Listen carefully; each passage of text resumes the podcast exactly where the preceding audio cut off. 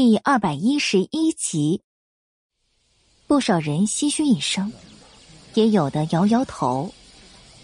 明眼人都看得出来，只要冯秀答应了，那就是甩不开的负担了。啊，这个我就得帮你算算了，这免得你觉得我们是狮子大开口。冯铁兴冲冲的往前站了一步，然后从口袋里掏出一张纸，清清嗓子，竟然照着上面念了起来。怎么上了年纪了啊，身子一天那是不如一天了。呃，这营养那是一定要跟上啊，一天三顿的白面馒头，哎，这这真不能少。每天怎么着，这也得两个鸡蛋吧？一周吃顿肉啊，熬个鸡汤啥的补补，这不过分吧？街坊们都目瞪口呆，这还不过分啊？现在谁家的日子都不好过，别说吃肉了，就算是白面馒头，谁家能天天吃啊？冯秀面色苍白，可是却已经没有太大的情绪了，就好像早就已经意料到了会这样。嗯，所以这吃食上的费用呢，一个月二十块，嗯，也就勉勉强强凑合吧。冯铁说出的数字。让不少人变了脸色。这可相当于厂里差不多一个月的工资了。但让他们更没有想到的是，他们的声音依然在继续着。这妈每个月都有一两次头痛脑热，哎呦，吃药住院那是常事啊，这部分钱那不好算的。我就吃点小亏吧。也算你一个月二十块吧，哎，还有啊，他还要那个买衣衣衣裳啥的啊，呃，这这这么说啊，加在一起吧，一个月五十块，剩下的我们全负责了。冯铁说完，四周已经鸦雀无声了。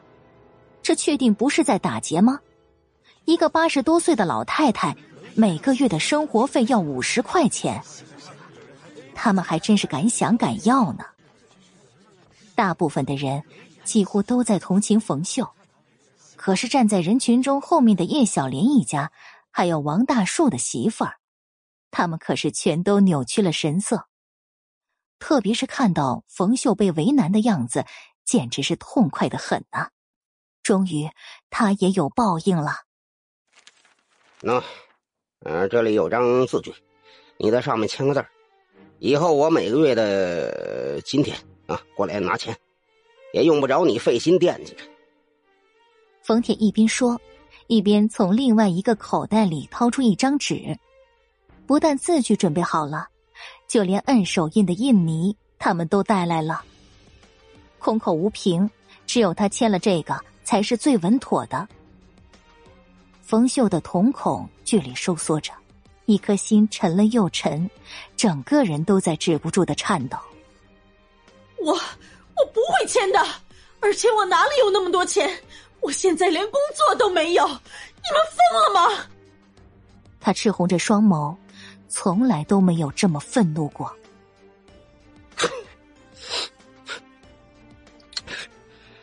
我说，冯秀啊，啊，都到现在了，你也就别藏着掖着了，还以为谁不知道呢？啊！冯铁拧拧鼻子。那副轻蔑的样子，简直就是对他鄙视到了极点。冯秀觉得自己简直快要窒息了，一股不祥的预感升上心头。他太了解冯铁了，他这样的神色绝对没有好事。知道什么？冯铁呵呵笑了起来，还在装呢。本来就是我想着要给你们母女留点脸，你还不要嘿？他的话让冯秀手脚冰凉，可却让看热闹的大院里的人们都有了几分好奇心。听他的意思是，知道他们母女的钱到底是怎么来的。冯铁，你你到底是什么意思？冯秀脑袋疼的厉害。甚至已经不能正常思考了。这真没想到哦，十几年不见，你装模作样的本事，这是长进了不少。我都已经知道了，你家苏七在外面做的那些个好事儿。冯铁只是以为他在故意装无辜，然后找借口不给钱，所以现在自然也就不会顾忌什么了。冯秀突然神色骇人，一声怒吼：“冯铁，你别胡说八道！七七做什么了？他们怎么针对他、为难他都可以，但绝对不能往他的女儿苏七身上泼脏水。”所有人都竖直了耳朵，等着这对兄妹继续吵下去。方秀啊，你是真的不知道吗？你家素气在外面被一个有钱的老光棍给包养了，不然他哪里来的这么多钱给你盖大房子呀？开口的是张招娣，他倒是比冯铁看得清楚几分，皱了皱眉头，但是却并没有隐瞒。反正都已经闹成现在这样了，一片哗然，所有人的表情都精彩了起来。其实这些日子，他们也早就对家里的钱的来历有疑心了，而且外面也不是没有这种传言的。他们有的人甚至还曾经暗示过冯秀，可是毕竟也都是只道听途说罢了。但是现在。这话竟然是从苏七的舅舅一家人嘴里说出来的，那肯定就没错了。之前还对冯秀羡慕的不得了的街坊们，现在全都鄙视了。冯秀只觉得脑袋轰的一声，真的快要爆炸了。他两步冲到张招娣的面前，死死握住她的胳膊，用尽全身力气：“你胡说！”不是这样的，七七给我盖房子的钱，分明就是就是。张招娣看着他失控的样子，摇摇头，同时也被他捏疼了。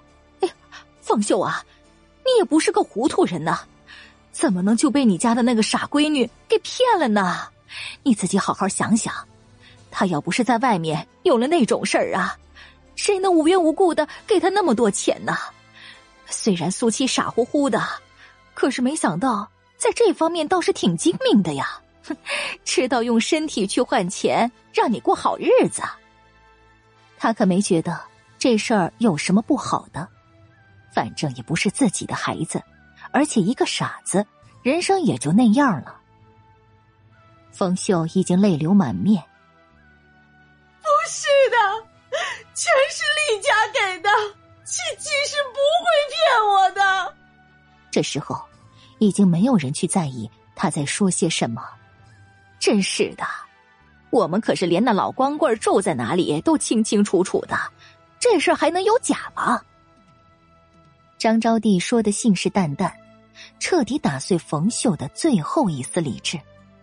其实，他们也是几天前才突然听说的，一开始自然也是不信的，毕竟他们知道苏七傻的厉害。可是对方说的非常笃定，而且竟然连老光棍是做什么的、住在哪儿都告诉了他们。他们不放心，就亲自过去找了那个人。没想到，那个人一听他们两个人的身份，二话不说就承认了。这可是乐坏了他们夫妻两个，所以他们才会张嘴就跟冯秀要每个月五十块的生活费，就是因为知道他家给得起。冯秀突然什么都听不到了，只有那一张张讽刺鄙夷的脸孔。他的妻妻，老光棍儿。不，这不是真的。一口鲜血喷洒而出，眼前一黑，陷入一片黑暗。哎，第二百一十二集。苏七，苏七，苏七！张雪梅第三次喊苏七，她才终于回了神。怎么了？苏七看向他，你是怎么了？心事重重的。张雪梅忍不住关心的询问着。苏七摇摇头，没什么，想到一些事情而已。虽然理智告诉自己，陆远并不是他的父亲，可是不知道为什么，他的脑海中却总是浮现出他的脸庞。刚才竟然还走神了。张雪梅又看了他两眼，确定他不像是生病了，然后才开口说着：“孙副校长说让大家去一趟他的房间。”好，走吧。苏琪马上起身。等他们两个到了的时候，大家已经全都在了。房间里的气氛有些紧绷，因为人太多了，所以也没有坐着的地方。苏七，来这边坐。李猛他们两个男生主动起身让座，苏七、张雪梅也没客气。孙海看了大家一眼，沉了口气。明天就要公布成绩了，有些事儿啊，还是要叮嘱你们一下。如果是以前，自然是不用的。但是现在，外面多少双眼睛在盯着呢？他甚至比他们都还要紧张。明天不管你们的成绩怎么样，也无论外面的人说什么，都要记得忍耐。说到这里，他特意看向了苏七。孙副校长，我也不是随随便便就爆发的。苏七当然明白他的意思，淡淡的开口，可是他的话却更让他心惊胆战，所以还是会爆发的。我知道。你的出发点都是对的，但是咱们这一路走来，实在是经历太多事情了。现在不管是我还是高校长，都只是希望你们能平平安安的回去就好。现在成绩已经完全不重要了。苏七目光闪烁。好吧，你的意思我明白了。孙海这才稍稍松了口气。明天上午成绩出来之后，咱们下午就可以返程了。大家都提前安排好自己的行李，今天能不出门的话，也尽量别再出去了。说这句话的时候，他却是朝着吴香香看了过去。吴香香脸色有些难看，僵硬的点点头。好了，大家今天都好好休息，也别有太大的心理压力，都回去吧。孙海的话很简单，叮嘱之后就算完事了。这个时候，电话铃声响了起来。李猛他们往房间门口走着，他直接接起电话。片刻之后，神色有些欣喜了。苏七、赵峰，好消息，那两个劫匪被抓到了。见他们还没有出去，孙海直接就兴冲冲的说起来：“终于有一件事值得高兴的了。”苏七和张峰对看了一眼，两人全都有些意外，比想象中的还要快。其他人全都兴奋不已，一个个擦亮了眼睛。是警察局打来的电话，苏七，你过来接。孙海示意着。苏七虽然不知道为什么要让他接电话，但还是迈着大步走了过去。很快。对方的声音顺着话筒传过来：“苏琪同学，多亏了你的那两张画像，为我们提供了极大的便利，能够在这么短的时间内就抓到那两个劫匪。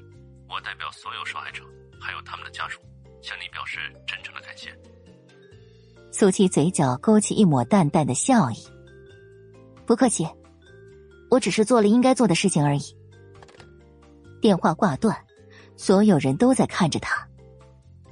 劫匪抓到了，以后来这边，大抵也都可以安稳了。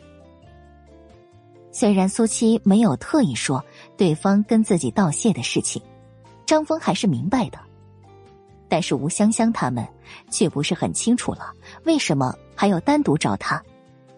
孙海的一双眼睛已经乐得只剩下一条缝了。苏七呀，真是好样的！你放心，等到回去之后。我一定和高校长好好奖励你。别的奖励也就算了，最好是现金奖励。能这么光明正大提出自己要求的，恐怕也就只有苏七一个人了。孙海哈哈大笑，非但没有任何反感，还觉得苏七简直坦率的可爱。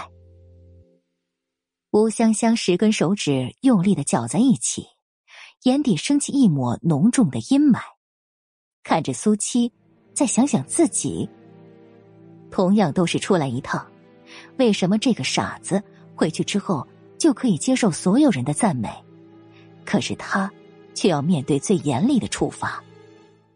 老天爷实在是太不公平了。众人有说有笑，从孙海的房间里走出来，就连明天要面对的紧张都淡了许多。赵峰学长，等一下！被其他人完全忽视的吴香香突然开了口，一句话，成功的让所有人噤声，全都看向了他。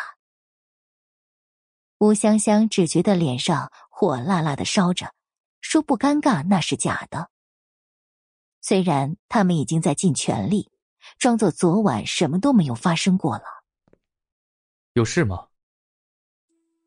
张峰的声音冷漠无比，简直逼他犹如蛇蝎一般了。吴香香惴惴不安，有事儿能跟你单独？不能，有什么话就在这里说吧。张峰甚至不等他话说完，因为直到现在，他还依然无法从昨天的阴影中走出来。吴香香怔住了，更是觉得丢了脸面。可是，走廊里的空气仿佛都要凝固了，苏七却动了，不紧不慢的朝着自己的房间走过去，然后打开房门。苏七，等等我们。张雪梅和李媛他们紧随其后，然后李猛几个男生也反应过来，最快的速度回去了各自的房间。他们自然是不会当电灯泡的。一分钟之后，走廊里就只剩下了他们两个人。张峰脸上浮现出一抹不耐烦，他现在根本看都不想要看到他。吴香香深吸一口气，鼓足勇气，把早就已经想好的说辞又在脑子里过了一遍，确定完全没有问题之后，充满愧疚不安的开口：“学长，虽然昨天晚上的事情我已经不记得了，但是李媛说我应该跟你道个歉。对不起，学长，不管我昨天做了什么，还是说了什么，都不是我的本意，都是那该死的酒精。”我没有放在心里，没有别的事儿的话，我就回房间了。张峰面无表情的应了一句，就准备离开了。胡香香没想到他的反应会这么冷淡，难道他就真的对他一点感觉都没有吗？本集播讲完毕，第二百一十三集。傍晚，苏七来到招待所的餐厅，随便盛了一份饭菜，找了个位子坐下。米娅今晚应该不会回来了吧？嗯，他已经给老师打过电话了，晚上要跟陆叔叔去参加一个晚宴。唉，陆叔叔对米娅真是太好了，不像我家那个老头子，眼里只有工作和我弟弟。行了，别酸了。世界上有几个陆叔叔那样的好男人啊？而且啊，他就只有米娅一个女儿。苏七身后不远处，龙腾学院的人一边吃饭，一边聊着苏七和米娅的事情。陆叔叔的公司好像最近就要上市了。如果我是米娅，肯定不会来参加这种比赛的。反正明年毕业就要出国留学的。唉，可惜你不是。米娅的人生就是赢在了起跑线上。苏七一直低头吃饭的苏七，直到身侧有人喊他，才终于抬起头，是张峰。我可以坐这里吗？他手里端着餐盘，看着他对面的位子，苏七懒得回他。这里是公共场所，根本不需要征求苏七的同意。张峰见他没有说话，就当成是答应了，直接坐下来。其实，他刚才看到苏七坐在这里，便紧张了神色，因为后面只隔了一桌，便是龙腾学院的那些人了。苏七，明天我们就要回去了，你有没有打算买些什么东西带给家里人？他主动找了话题。张雪梅他们可都是大包小包买了不少的，毕竟以后再来这里就不知道是什么时候了。苏七摇摇头，家里都不缺，而且他也实在不喜欢路上带太多的东西。啊，你还真是跟其他女孩子不太一样。张峰忍不住感慨一句，不过绝对是夸赞的意思。张峰，你听说过陆远吗？苏七放下筷子，表情似乎比寻常要认真了些许。张峰微微一愣，然后疑惑了开了口：“陆远，那是谁啊？也是跟我们一样过来参赛的学生吗？”苏七眼底一抹失望：“不是，是米娅的父亲。刚刚听龙腾的那些人说，陆远的公司就要上市了，自然不会是寂寂无名的人，还以为张峰会知道一些。”张峰摇摇头：“你怎么突然问到他？米娅又找你麻烦了吗？”他几乎马上就想到了这种可能性，声音急了：“没有，我无意中遇到米娅跟他的父亲，有些好奇而已。”苏七随便找了个理由敷衍，张峰这才松了口气。哦，不过米娅的父亲为什么会姓陆？这不是太奇怪了吗？我也不清楚，或许米娅是跟他母亲的姓氏吧。苏七回答着他，脑子里却已经开始盘算了。陆远这样的人物，调查起来总不会太麻烦。关键是，他自己现在并没有这方面的关系。如果是立业的话，呃，怎么又会想到了狗男人呢？狗男人最近明显状态不对劲儿。他还是少去招惹他的好，所以这件事还是等等再说吧。张峰看着苏七不停变换的脸色，实在搞不清楚他到底在想什么。苏七，你放心，不管明天发生什么事情，我都会保护你的。承诺的话语几乎脱口而出，说完之后，他才意识到了什么，脸颊不自然的红了。苏七所有的心思都放在了陆远身上，根本就没有听清楚他到底在说什么。嗯，好。张峰呼吸一滞，看着苏七的视线逐渐火热。漫漫长夜，第二天天才刚亮，孙海、张峰他们便都已经起来了，聚到了一起。公布成绩的时间是上午九点，而现在。也才早上六点多钟，不仅仅是他们这样，招待所里的大部分学生也全都起来了，要么神情紧张，要么表情亢奋，都在等着时间的到来。李元洗漱完了，从卫生间里出来，床上的吴香香依然把自己裹得严严实实的，因为他在考场上作弊了，成绩完全作废，所以反倒成了所有人里。最清闲的一个，李元并没有主动叫醒他，简单收拾一番之后，就准备出去找张雪梅了。学姐，这个时候，吴香香却从被窝里伸出脑袋，喊住了他：“我吵醒你了。”现在，李元对他不但疏离，而且还小心翼翼的。没有，学姐，你们是要去看成绩了呀？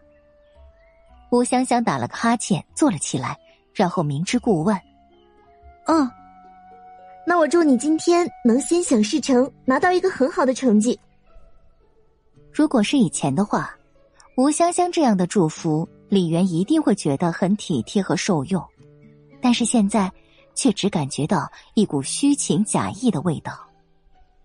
李媛忙到了声谢，吴香香脸上带着一抹淡淡的笑意，催促他赶紧去吧，自己就在这里等着大家的好消息。然后就看着李元一步一回头的走出了房间。房门关上的那一瞬，所有的表情瞬间戛然而止，被一抹怨恨取代。他现在可是巴不得他们一个个全都发挥失常，越丢脸越好呢。特别是苏七那个贱人，他早早的就做完了试卷，肯定是胡乱蒙的答案，最好考个零蛋，一鸣惊人。反正他也不是没有这样丢人过。想到这里，吴香香的心情总算是稍微好了一些了。他就在这里拭目以待了。孙副校长，您这是？当苏七看到一身西服革履的孙海，竟然搭配了一条大红领带的时候，差点就笑出声了。什么审美啊！苏七，你别笑啊，我就是图了一个喜庆。希望你们都能取得好成绩。孙海当然也知道这么穿戴不太好看，但是寓意是好的呀。苏七强忍着上扬的嘴角，孙副校长，您这就有些封建迷信了吧？哎呀，不迷信，不迷信。时间也差不多了，要不咱们先过去。孙海现在简直就已经是度秒如年了。孙副校长。现在还不到八点呢。这次开口的不是苏七，而是一旁的李猛。从这里到考场那边，也不过只需要十几分钟而已。孙海啊了一声，第十八次看向自己的手表。啊，竟然还不到八点，可是他怎么却觉得好像已经过了一天那么漫长了呢？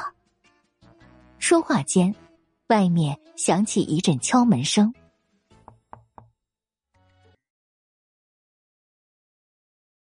第二百一十四集，除了吴香香之外，他们所有人都已经在这个房间了。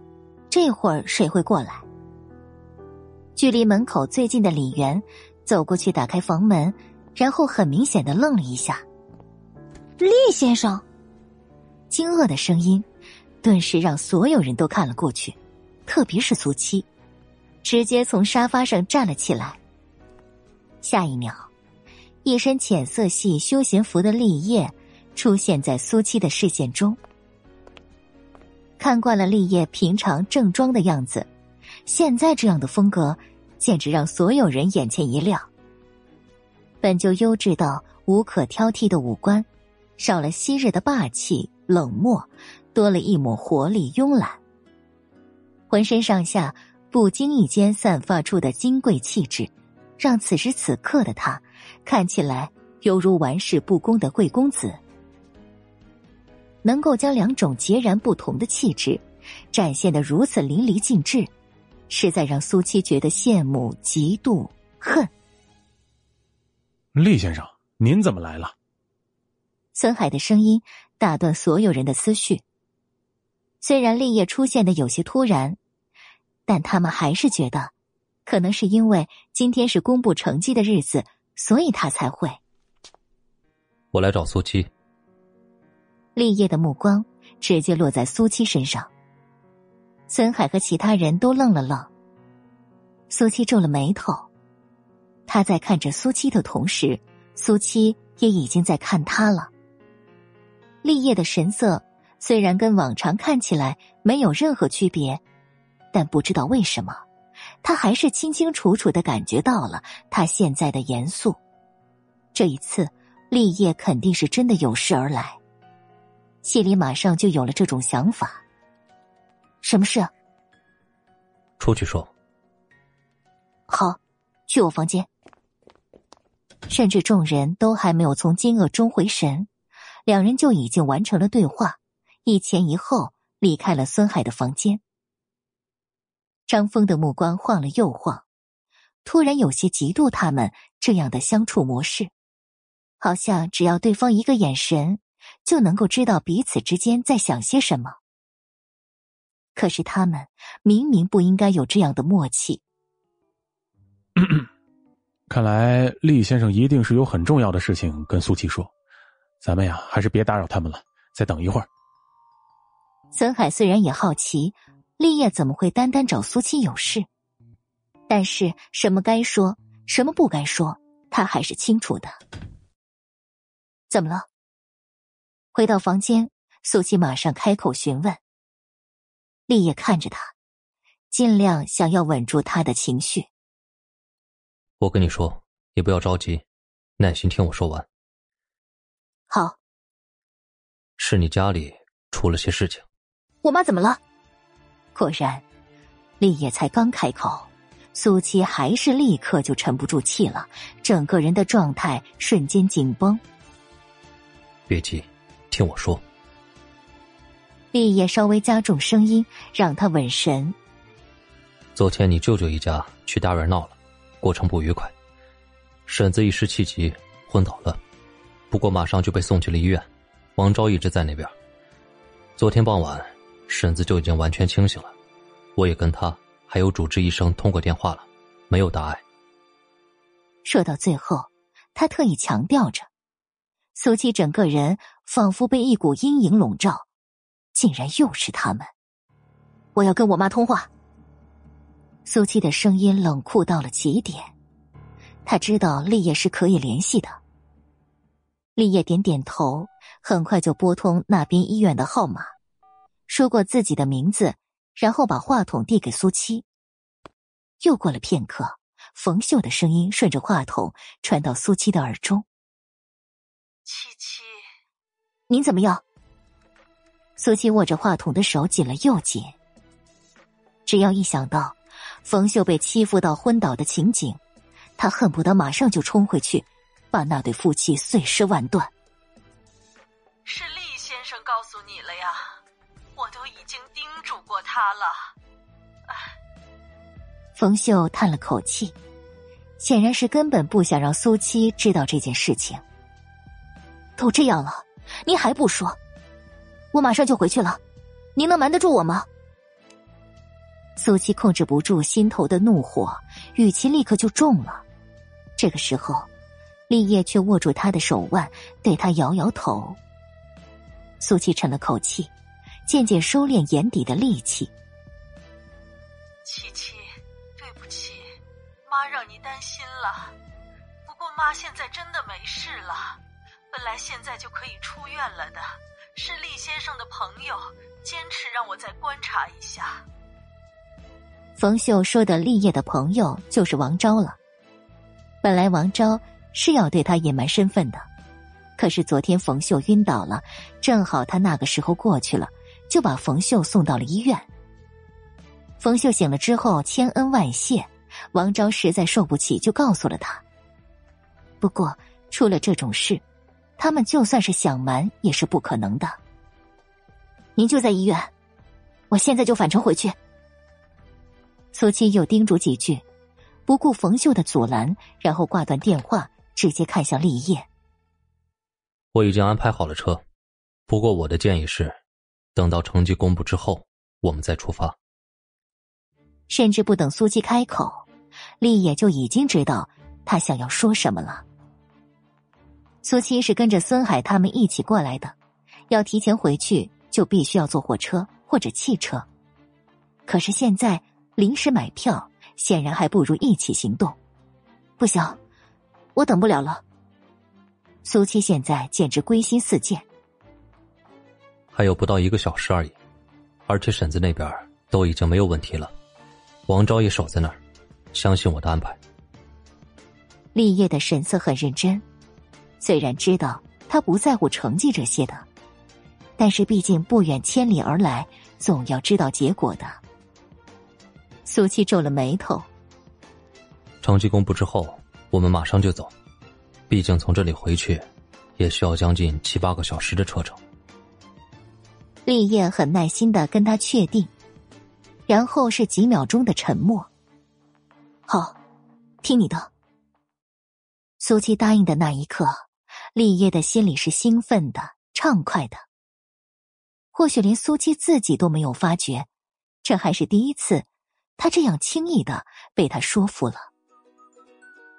你表情怎么这么奇怪？苏七察觉到立业情绪变化，脸色顿时难看了几分。难道？你别误会，我只是开心，你能这么快冷静下来，听我的意见而已。立业生怕他误会，马上实话实说。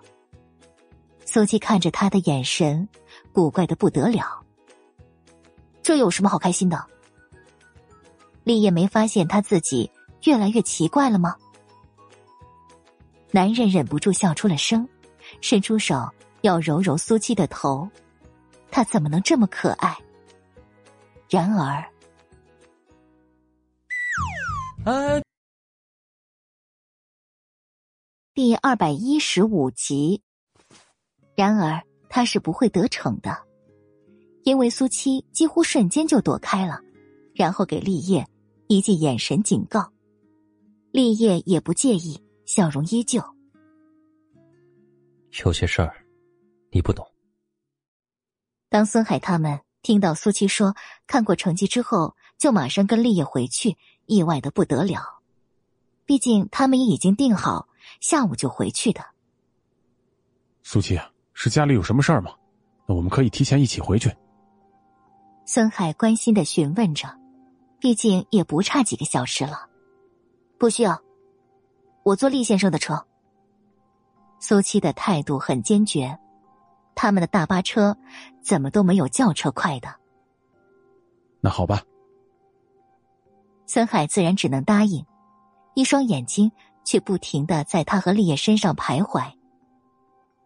李猛下意识的看上张峰，对着他挤挤眼睛。这种时候，难道他不该主动站出去，对苏七表示一下关心，顺便问问清楚吗？张峰脊背板得直直的，可是却没有任何反应。那咱们先去考场那边吧。孙海看看时间，现在是真的要公布成绩了，众人齐齐打起精神来。大厅里已经人满为患，成绩会公布在主持台最前面的展示墙上，但是前一百名的考生会由大赛的负责人亲自公布，然后颁发奖励。等苏七他们到了的时候，前面早就已经没有了位子了，只能坐在最后面的边缘。不过孙海却觉得这样很好，毕竟前面的风光不是属于他们的。因为大赛组委会的老师还没有出来，所以整个大厅里喧闹无比，当然都是在议论彼此的成绩。孙副校长，他们说的奖励都有什么呀？张雪梅好奇的询问起来：“怎么他们都不知道呢？”孙海干咳一声，之前没有告诉他们，是因为觉得不太可能。前十名啊，会有不同的现金奖励，然后作为一二三等奖，还会有证书和奖杯。张雪梅他们全都兴奋了神色，至少还是可以祈祷一下奇迹的。而且还会在报纸上报道。片刻之后，孙海又补上一句：“这已经不仅仅只是学生个人的荣誉了，连学校的知名度都会大幅度的提高。”苏七目光闪烁，视线在整个会场里扫过一圈。龙腾学院的那些人正在正中央最显眼的位置，想让人忽视都很难的。你觉得自己会拿到什么样的成绩？坐在苏七身边的立业身子突然靠近苏七，温热的呼吸轻轻的拂过苏七的耳边。苏七胳膊上。顿时冒起一层鸡皮疙瘩，虽然知道立业是无意的，但他还是觉得很不舒服，几乎是马上就拉开和他之间的距离。早知道，就该让他在外面车里等着，而不是冒充他们带队的老师一起进来了。不怎么样。苏七有些嘴瓢，继续目视前方。我对你有信心。本来立业确实只是因为旁边太吵了，所以才稍微靠近苏七的。但是他突然发现，苏七微微泛红的耳垂，浑身上下的细胞都仿佛沸腾了起来。他这是对他有反应了吗？喉结上下滚动，嘴唇都开始发干了。深邃的目光盯着那粉嘟嘟的小东西，甚至脑子里已经开始忍不住幻想该是怎样的软绵。苏七想说：“你哪儿来的信心？”可是这一刻，他却清楚的感觉到了旁边逐渐升高的温度，还有那双眼睛。即便他没有去看，但是却好像是想要把他生吞活剥了一般。下一秒，苏七再也沉不住气，扭头看向了他。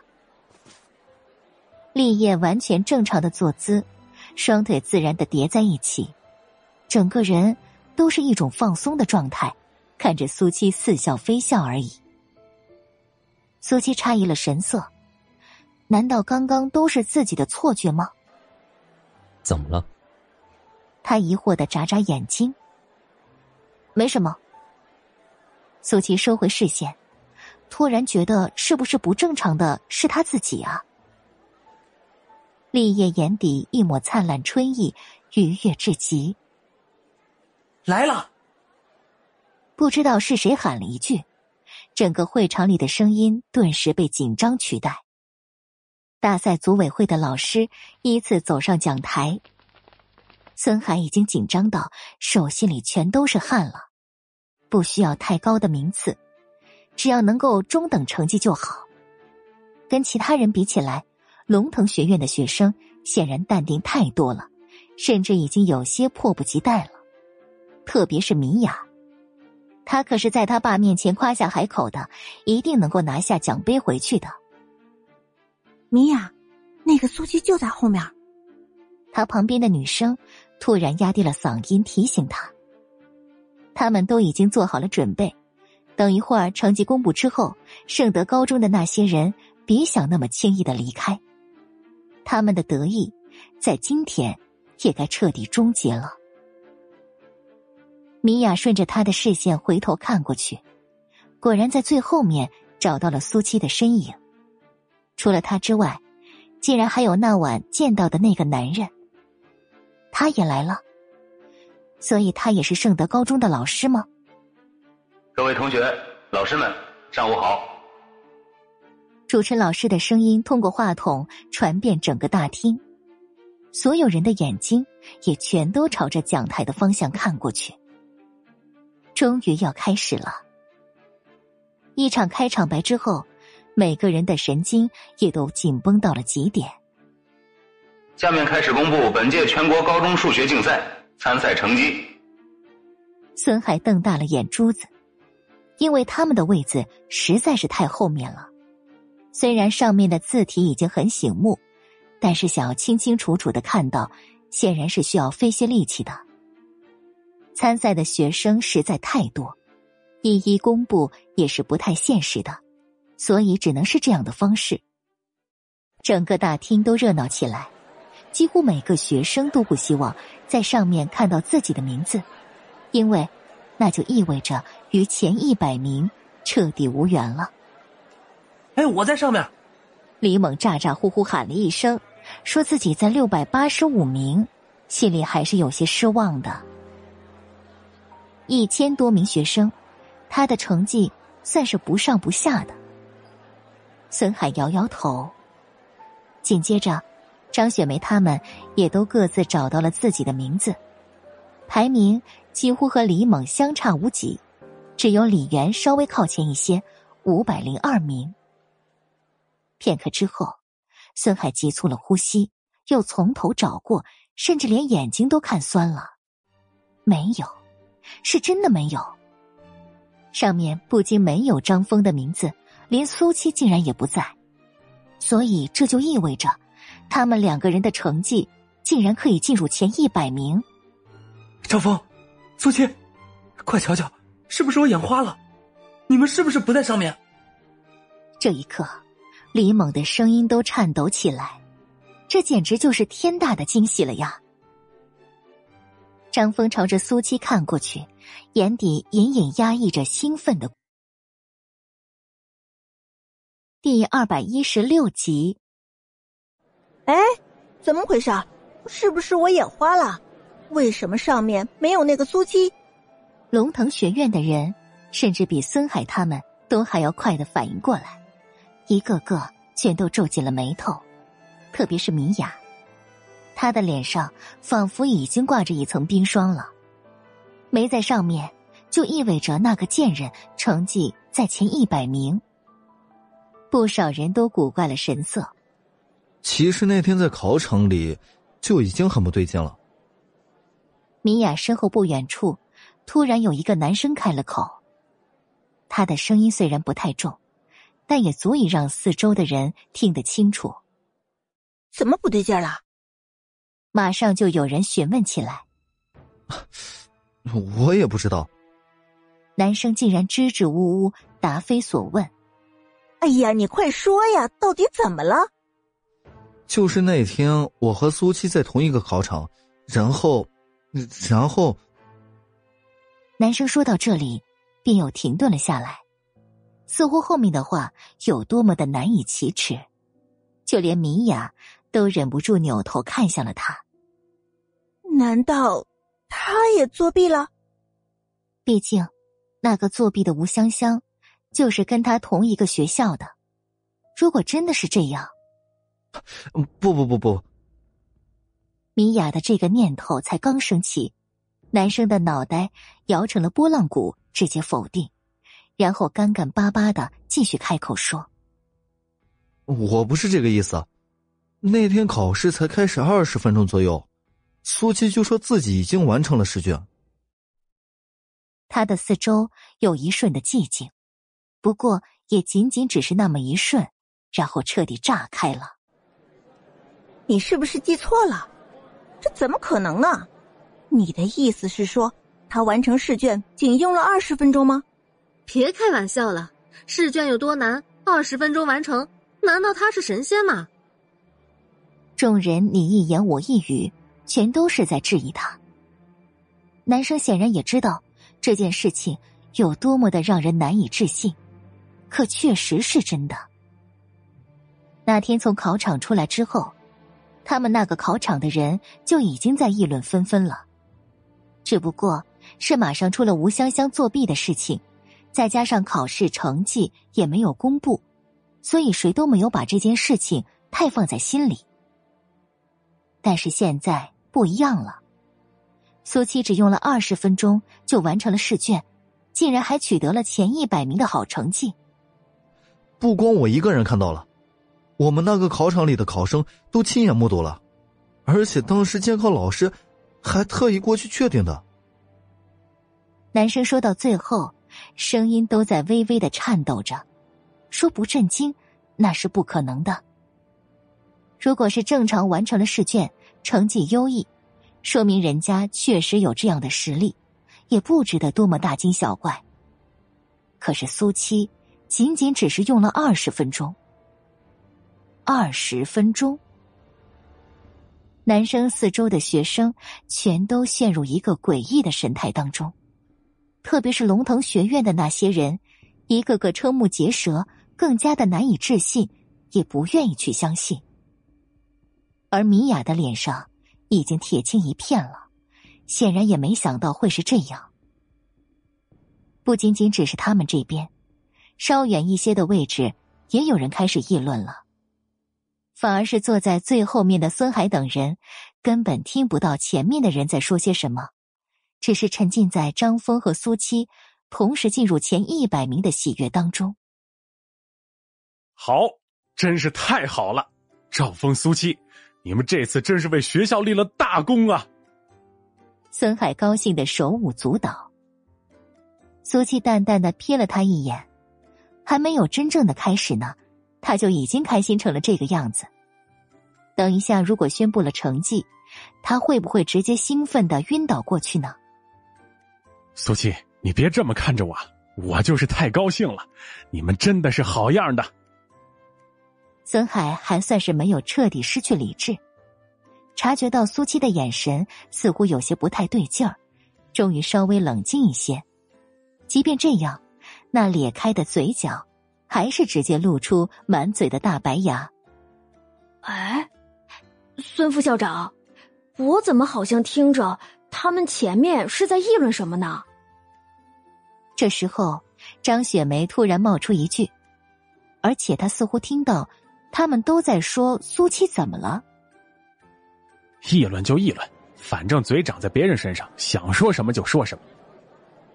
孙海已经什么都不在意了，之前一直都在担心他们的成绩太差会被其他人诟病，但是现在，就算是龙腾学院那些人想要再故意刁难，都找不到借口了。说到最后，他就连腰杆都挺得更直一些，神采飞扬。他这样说，其他人自然也就不去在意了，精神抖擞的。等着接下来宣布成绩排名。几分钟之后，主持老师的声音再次响起：“好了，大家安静一下，我们马上宣布全国高中数学竞赛前一百名考生成绩。”所有声音一瞬间全部戛然而止，最激动人心的时刻终于到来了。米娅沉了口气：“都不重要，奖杯。”终归是他的，萤火之光也永远无法与皓月争辉。第一百名考生赵震，成绩为圣德高中。高江从早上过来之后就一直在办公室里了，此时此刻不停的踱着步子，一副心绪不宁的模样。直到外面敲门声响起，他这才停下来。进来。房门打开，周康从外面走了进来。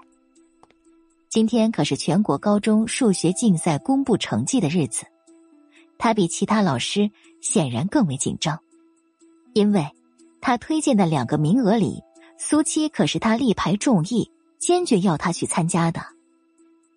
虽然数学老师对苏七还是有些信心的，但也怕出现什么意外的情况。如果苏七考到的成绩，跟其他同学比起来相差太多，那就等于是他推荐失误了。所以数学老师实在是沉不住气了，特意过来打听一下情况。这个高校长那边有消息了吗？高江摇摇头，然后看了一眼时间，九点十五分。现在应该刚刚开始公布，再等一等。他这样说。周康自然也不会离开了，有些紧张的在椅子上坐下。墙上的钟表滴滴答答，几乎每走一秒，那个声音都会落在两个人的心间。周康的手心有些湿了。这个高校长啊，我听说今年的考题似乎比去年还要难上一些啊。主动找了一个话题，想让时间过去的更快一点是啊，这几个孩子自己的预估分数也不太理想。虽然高江不愿承认，但现在他们学校的师资跟外面大城市比起来，还是有一段不小的差距的。哎，那苏七怎么样啊？吴香香已经出了那样的事情，成绩彻底作废了，所以现在周康最在意的就是苏七。总不能自己的两个学生都全军覆没了。订阅评论第二百一十七集。苏七，高江有些犹豫。他自己没有估分。那丫头的性子确实不像是做这种事情的人。周康反而在心里松了口气。这样也好，至少不用提前揪心了。哦哦，哎，没关系，哎，还有赵峰啊，他应该会发挥的挺稳定的。是啊，赵峰确实是个很好的苗子，前途无量啊。都能够保送到圣都大学，自然是前途无量的。而此时此刻，孙海他们，甚至比高江、周康都还要紧张。因为成绩已经公布到第八十七名，越往后面就意味着排名越高。现在还没有公布到名字的那些考生，都不希望能在下一秒听到自己的名字。孙海甚至都已经屏住了呼吸。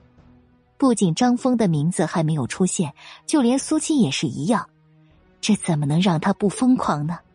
李猛不停的碰了碰张峰的胳膊，给他一个崇拜的眼神。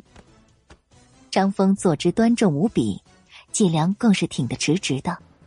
显然，不管今天到底拿到了什么样的排名，他都是很满意的。不过，让他惊喜的是苏七，他真的没想到苏七能够做到这一步。第七十八名，赵峰，盛德高中，成绩为九十八分。七十八名，他竟然拿到了九十八分的好成绩。在全国一千多名成绩优异的学生中，取得了七十八名。听到赵峰名字的那一瞬，孙海他们全都欢呼了起来。这个成绩，简直是他们有史以来参赛的最好成绩了。李猛他们几个男生更是兴奋的起身，和张峰拥抱了起来。而坐在他们周围的那些学生，都朝他们的方向投来羡慕的目光。不能否认，这样的成绩已经很出色了。孙海笑的腮帮子都疼了，不过只是几秒钟而已，他所有的表情全都瞬间凝固。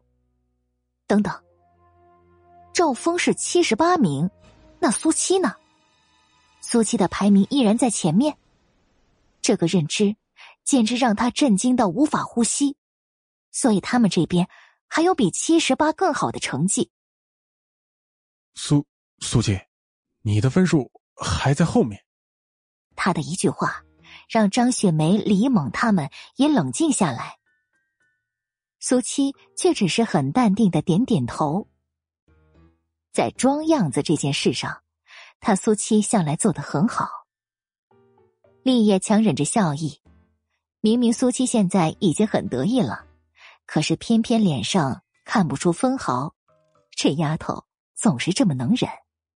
以她的能力，只要她愿意招摇，那第一肯定是不成问题的。关键就是看看她到底要招摇到什么程度，以什么样的分数拿到那个第一了。如果现在她说出自己心里的这些想法，恐怕会被孙海他们当成是神经病了。大家都冷静，等等苏七的成绩。孙海安抚着其他人的情绪，但是却怎么都像是对自己说的。龙腾学院的那些人脸色全都不太好看，因为即便是他们，也已经有很多人都被宣布了成绩。他们实在无法接受一个穷乡僻壤、犄角旮旯学校出来的学生能比他们考的还要好，而且这个人。还是让他们极度厌恶的一个。其他已经知道自己成绩的学生，注意力竟然全都放在苏七和米娅的身上，特别是苏七。现在已经没有什么比他的成绩更让人好奇的了。虽然他和米娅之间的那个赌约并没有成立，但到底是谁打谁的脸，马上就可以见分晓了。米娅两条眉毛拧成了麻花一样，她从来不觉得苏七有能力和她一较高下，但是现在不会的。那个贱人，最多也就是五十到六十之间。会场里的声音依然在继续。第五十名，连宇高中刘强，成绩一百零二分，并列第五十名，风华高中李丽，成绩一百零二分。越到后面，成绩的分差就越小，甚至出现并列的情况。不过这都不重要，重要的是依然没有出现苏七的名字。米娅只觉得自己脸上火辣辣的烧着，连呼吸都急促了几分，而他身旁的同学已经有些不安的朝他看了过去。所以苏七的猖狂，也不是没有原因的。人家是真的有那样的实力的。现在几乎所有人的心里都有了这样的想法：即便苏七坐在最后边缘的位置，但是却一点都不妨碍他成为焦点。孙海的脑门上已经全都是汗了，因为紧张，更因为兴奋。会不会是搞错了？怎么还没有宣布到苏七？苏七，你要进前三十名了！李元突然兴冲冲的冒出一句，简直让他浑身一颤。可不是要进三十名了，现在都已经到了四十二了。孙海用力吞咽着自己的口水，不停的深呼吸着。其他人的情绪也都高亢无比，竖直耳朵听着。三十二名了，不是他；三十一名了，还不是。这这怎么可能？周围的议论声开始沸腾起来。苏七再怎么样，也只是圣德高中的学生而已，在全国高校中，甚至是最垫底的存在。这样的学校培养出来的学生。怎么就能考到前三十的好成绩？现在除了苏七之外，剩下的二十九位考生，哪个不是一流好高中的学生？好像他们对你的成绩不太接受。立业用只有他和苏七两个人能听到的声音调侃着：“嗯，没关系，这样不是更有意思吗？”苏七脸上一抹淡淡的笑容。说不出的霸道不羁。我知道你喜欢这样。立业完全笃定了语气，让他探究了眼神。难道我说错了吗？他依然在笑，眉眼弯弯，好看的不得了。苏七竟然无法反驳。不过他什么时候这么了解他了？或者只是随便说说？怎么会还没有？苏七，你进入前二十了。孙海突然一嗓子，打断两人之间逐渐微妙的气氛。孙副校长，冷静，别人都看着呢。苏七很认真的提醒一句，他可是代表着整个圣德高中的形象呢。孙海眉飞色舞，屁股跟椅子都没办法在一起了。冷静，见鬼去吧！他现在根本就不需要冷静，只想着接下来的狂欢了。后面几分钟，从二十名到十一名，依然没有出现苏七名字的那一瞬，无法冷静的已经不仅仅是孙海一个人了。订阅评论，别忘记，精彩故事再继续，我们下集见。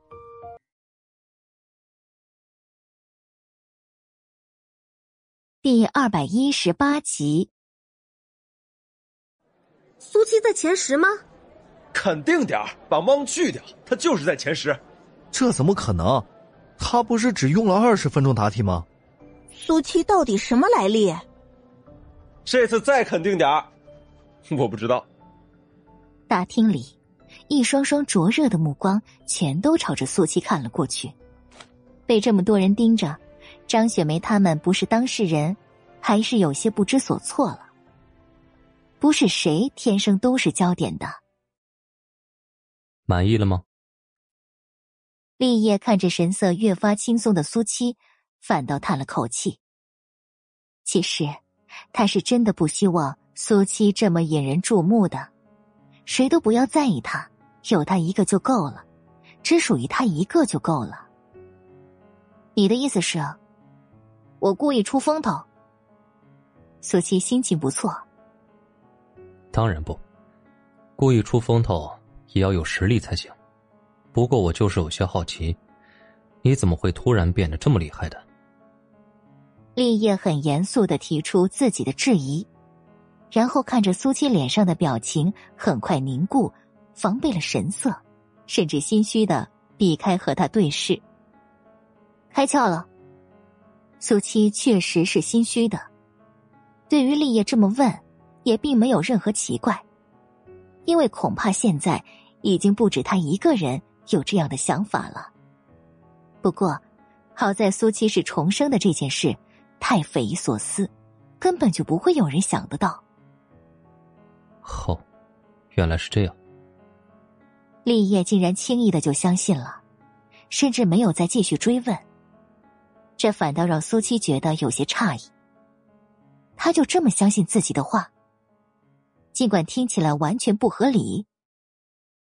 张张嘴巴，想要说些什么，可是最前面讲台上的老师已经开始公布前十名学生的排名和成绩。第十名，龙腾学院王武，成绩一百零三分。所有人都瞪大了眼睛听着。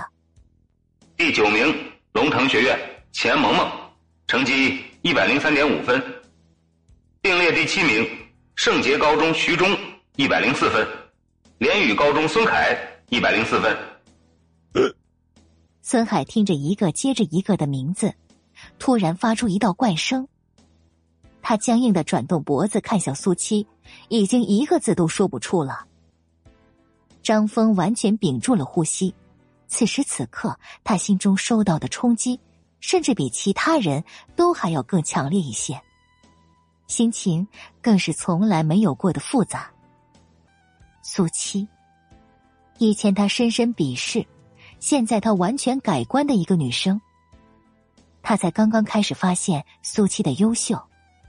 可是他的光芒，却已经展现在所有人的面前，那么强势，那么耀眼。龙腾学院的一众人已经面如死灰，现在除了米娅之外，他们的成绩排名已经全部都出来了。本来这样的成绩已经算是极好的了，可就是因为一个苏七，让他们根本没有感觉到半点的喜悦。米娅虽然依旧表现出一副淡定的样子，但呼吸却已经彻底乱了。之前他还曾经信誓旦旦的在所有人面前夸下海口，会高出苏七十个排名，但现在，就算他能拿到第一名，也不可能高出那个贱人十个。第四名，龙腾学院米娅，一百零五点五分。他的名字。就这样突兀的通过话筒传遍了整个大厅。下一秒，人声沸腾，一片片哗然。米娅竟然是第四，第四，当然已经是可以让坐在这里的一千多名最优秀的学生仰望羡慕的存在了。但是这并不是重点，重点是他是第四名，可是苏七的名字依然没有出现。所以苏七不仅仅获得了最好的成绩，还力压了米娅。米娅完全僵在了座位上，脑子里一片空白。他不相信自己怎么能是第四？难道不应该是苏七的名字吗？弄错了，一定是弄错了。坐在台上的几位老师负责人，被下面突然爆发的气氛吓了一跳，暂时停下来。现在。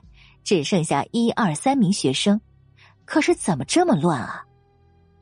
他们并不知道米娅要和苏七打赌的那件事，所以也理解不了一千多名学生的兴奋是从何而来的。几个人对视一眼，只以为是要公布最后的成绩，他们才会这样。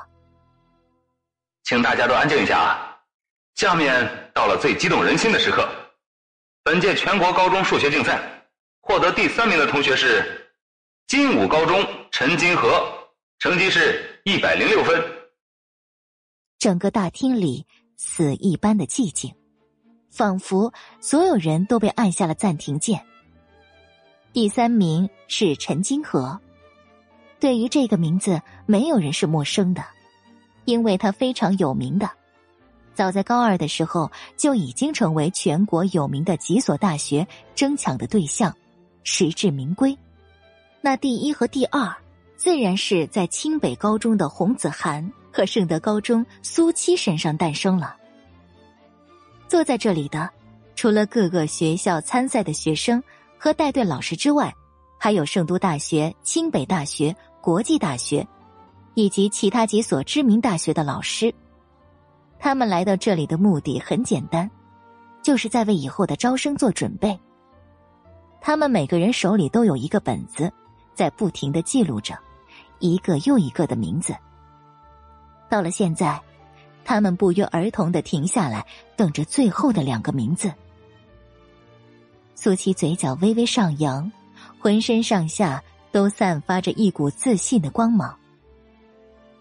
孙海里面的白色衬衫都被汗水湿透，整个人已经紧绷到了极点。获得本届全国高中数学竞赛第一名的同学是。说到这里，话筒里传出的声音故意拉得长长的，气氛也因此紧张到了极点。圣德高中苏七。这一刻，苏七的名字传遍了整个大厅。苏七竟然获得了第一名，从一千名参赛的学生中脱颖而出，并且一鸣惊人。几乎没有人想到会是这样的结果。同样，每个人的表情除了震惊之外，再无其他。不，这不可能！我有异议。正当其他人还没能回神的时候，米娅却噌一下从座位上站起来，情绪更是激动无比。苏七怎么可能是第一名？他们学校的吴香香已经作弊了，他也脱不了嫌疑。恭贺的掌声还没有响起，苏七的成绩就已经被米娅质疑了，而且他的这句话仿佛给所有人都提了醒。是啊，作弊的吴香香就是圣德高中的，这种学校又能够培养出什么好学生？一时间。不少人的表情都再次有了变化。爆点击，快订阅！精第二百一十九集。米娅同学，你怎么能这么血口喷人呢？吴香香是做错了事情，但那也仅仅代表她自己而已。况且当时监考老师就已经澄清过了，除了他之外。其他人都没有作弊。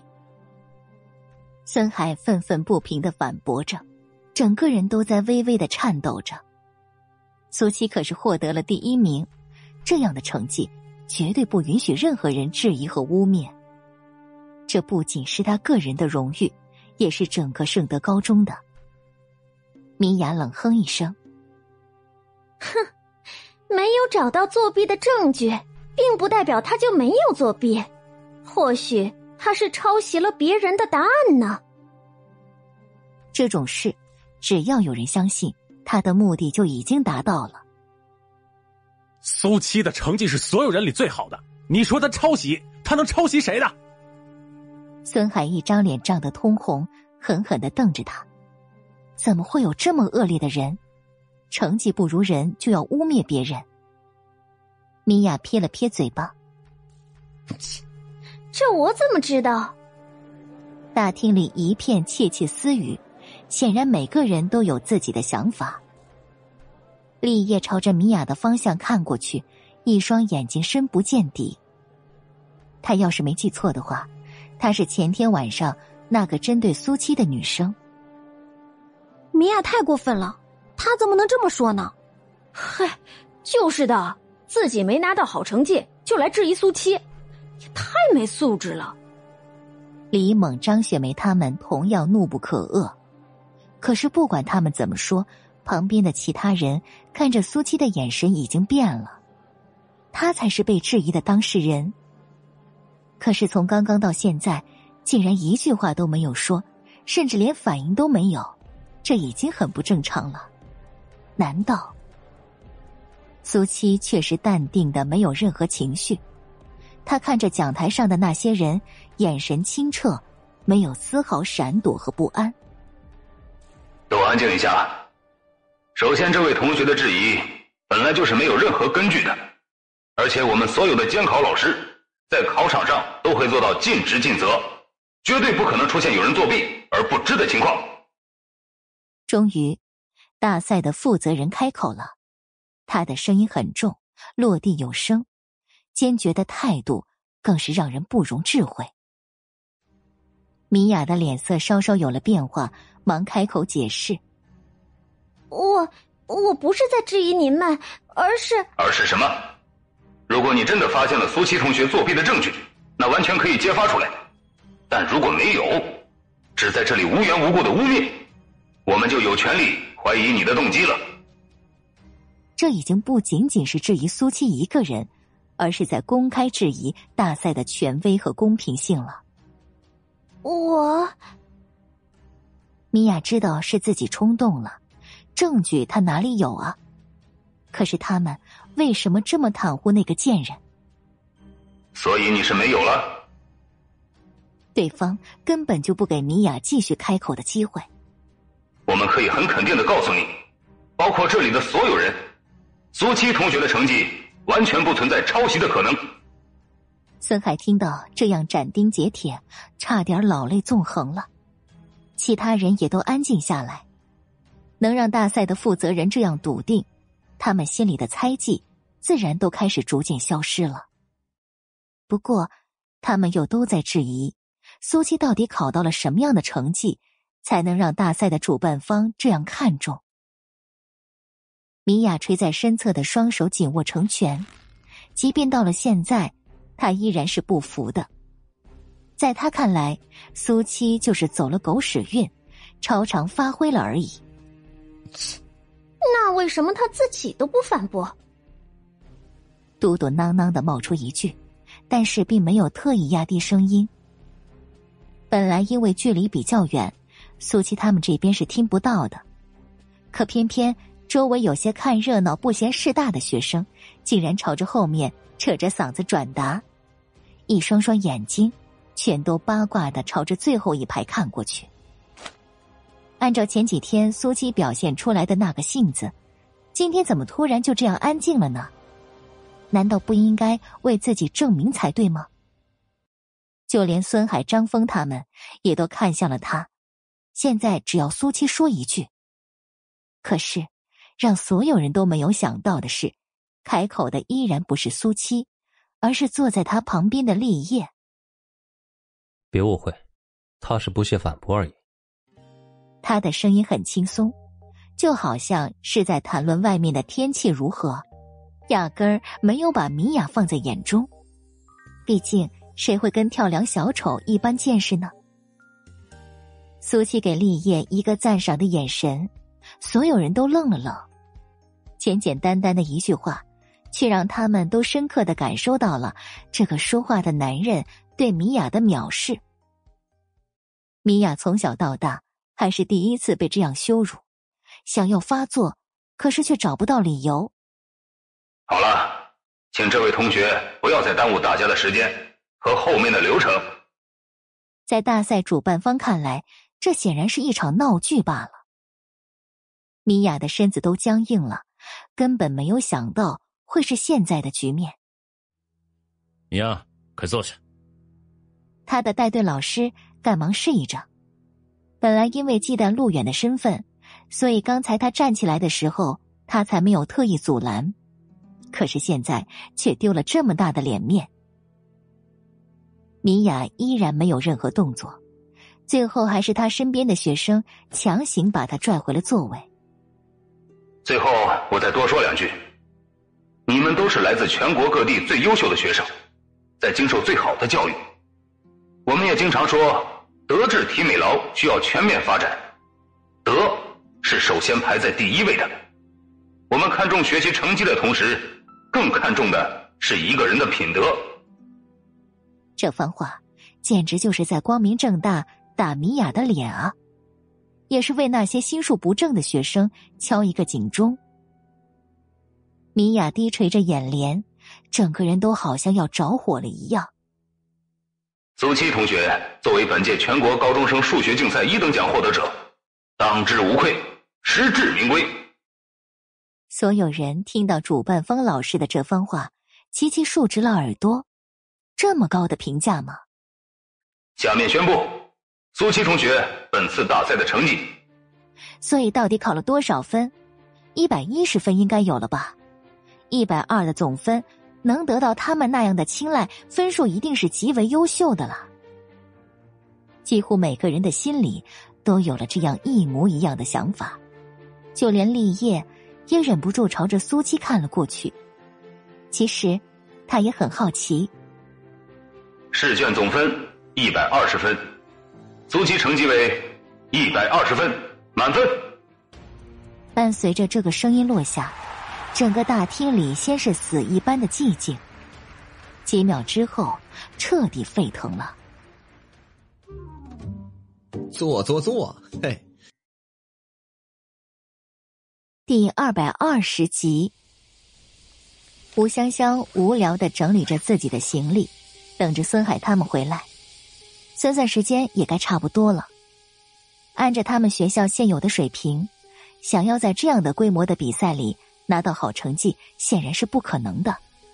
他很清楚题目有多难，不然他也不会做那样极端的事情了。如果他是他们的话，今天肯定都不会过去了。成绩公布出来之后，丢人是无可避免的，肯定还会被龙腾学院的那些人故意针对。绝对是这样的，所以他们回来的越晚，就越说明他的猜想正确。吴香香现在是真的一点都不急了。在临近中午的时候，外面的走廊终于传来说话的声音：“回来了，还这么晚。”他几乎没有任何犹豫，便朝着门口的方向走了过去。在打开房门之前，还特意收敛脸上的喜悦神色。果然是孙海他们回来了。孙副校长、赵峰学长，你们怎么这么晚才回来？大家呢？吴香香关心的询问。不过问完之后，才发觉到他们那喜悦和兴奋的神色，特别是孙海，一双眼睛完全眯起来，嘴巴都已经快要咧到后脑勺了。突然就有了一股不祥的预感，难道他们有人拿到了好成绩吗？哈哈哈，好，真的是太好了！孙海再也没有往常面对吴香香时候的严肃，开心的声音都在微微的颤抖。吴香香却怎么都笑不出来了，紧绷的开口问：“那大家都考了多少？”先进去再说。孙海招呼一声，他只得快步跟上去。李猛和张峰在窃窃私语。张雪梅他们也在说着什么奇迹，太厉害了。可是这些他一句都听不懂的。但他却发现，这些人都回来了，唯独少了苏七。苏七呢？难道只有他考砸了，所以没有脸面跟大家一起回来了吗？这个想法，终于让他抑郁的心情稍稍缓解了一些。我要马上给高校长打电话，把这个天大的好消息告诉他。进了房间之后，孙海已经完全忘记吴香香的存在，径直走向了电话旁边。吴香香强忍着尴尬，走向张雪梅和李媛。学姐，你们考了多少名啊？我是五百一十七，我是六百二十二。他们两个的回答让吴香香隐隐松了口气。显然，这跟他之前的预料并没有相差太多。那赵峰学长呢？他可厉害了，拿到了七十八名。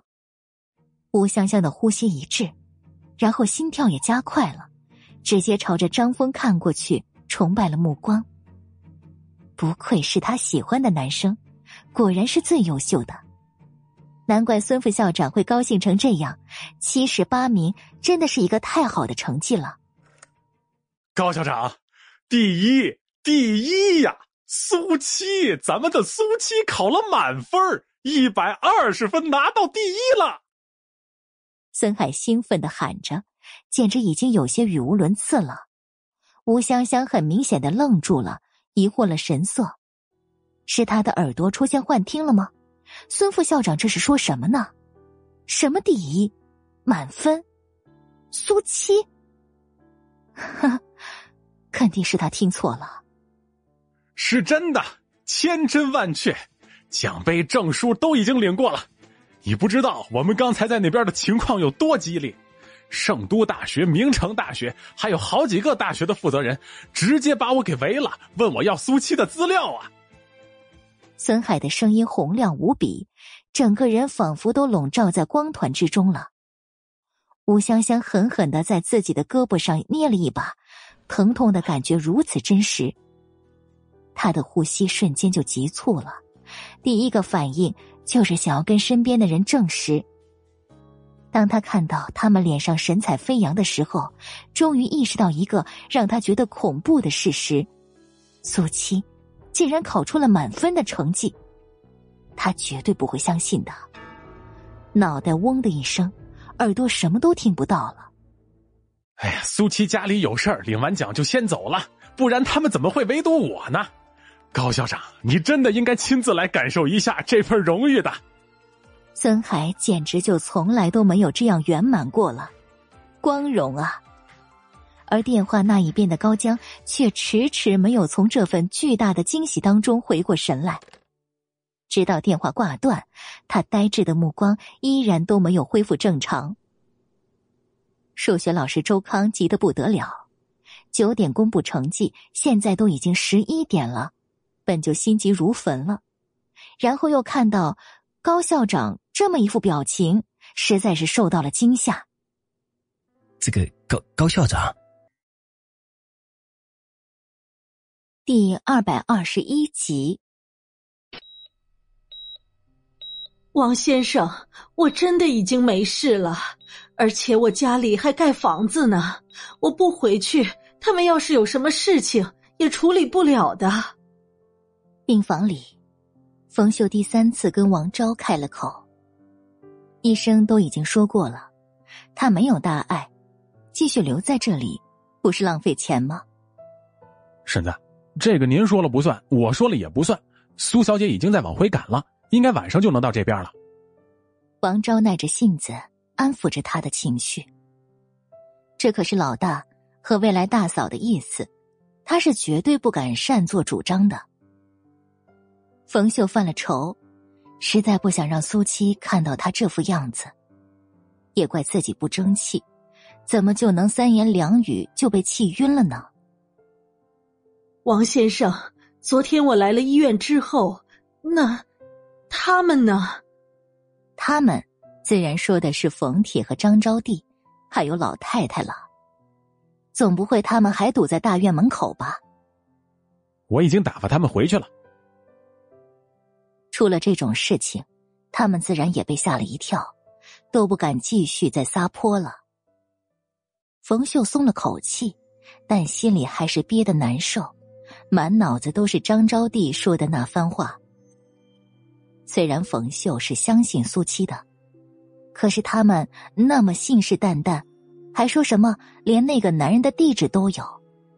如果要让立业知道了，想到这儿，忍不住一个哆嗦，他可怎么和厉家交代呀？王昭见他的脸色突然很难看，马上就紧张了。婶子，您没事吧？哪里觉得不舒服呀？没有。冯秀赶忙摇摇头，让自己不要继续胡思乱想了。反正闺女很快就会回来，到时候仔仔细细的问问她，就知道到底是怎么回事了。要是有万一，他会亲自向厉家奶奶磕头认错的。在家婶子，放心，她没事。立业看着神色紧绷的苏七，很准确的。猜中了他的心事，我知道。苏七面无表情应了一声，身体是没事，但是心里呢，都被气得昏迷了。那对夫妻到底对冯秀说了什么，做了什么？想到这些，苏七就怒不可遏。立业还是第一次看到苏七这样在意一个人，虽然那个人。是他现在的母亲，也应该在意。但是，之前他的性子，现在他的性子转变，立业是喜欢的。你有没有听说过一个叫陆远的人？苏七终究还是沉不住气了。你问的是陆氏商贸的陆总？立业有些诧异，他突然就改变了话题，也很意外。他会提这样的一个陌生的名字。苏七表情有了细微的变化，似是有些急切。你认识？立业点点头，看来苏七想要问的，就是这位陆总了。陆氏商贸虽然在南方，但在国内很有名气，而且最近正在做上市准备。你对他了解多少？都告诉我。不是询问，不是打听，而是完全命令的语气。不过，立业也并不在意，继续说下去。陆氏商贸老板陆远，今年四十二岁，运城人。大约在二十五岁的时候白手起家，用了五年时间创建了商贸公司，经营的很不错。现在已经是国内知名的企业家了。他是运城人，你能肯定吗？苏七对陆远的生意不感兴趣，更在意的是本人的信息。立业眼睛微微眯起来，他当然知道苏七的意思是什么。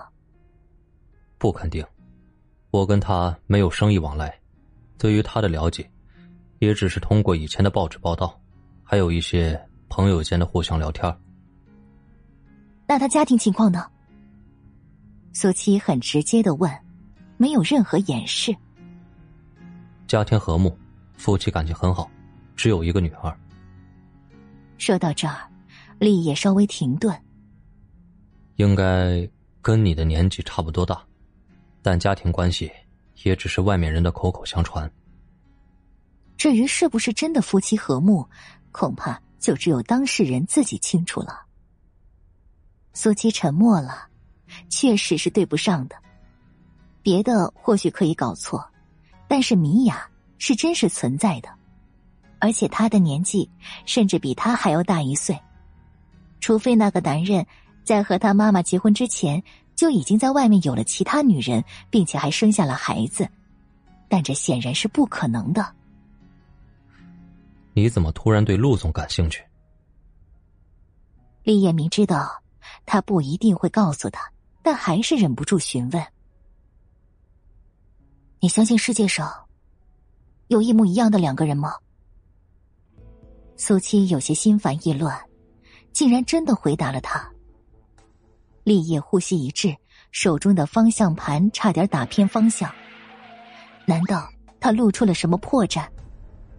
不，他们在聊的是路远，所以如果排除双胞胎的话。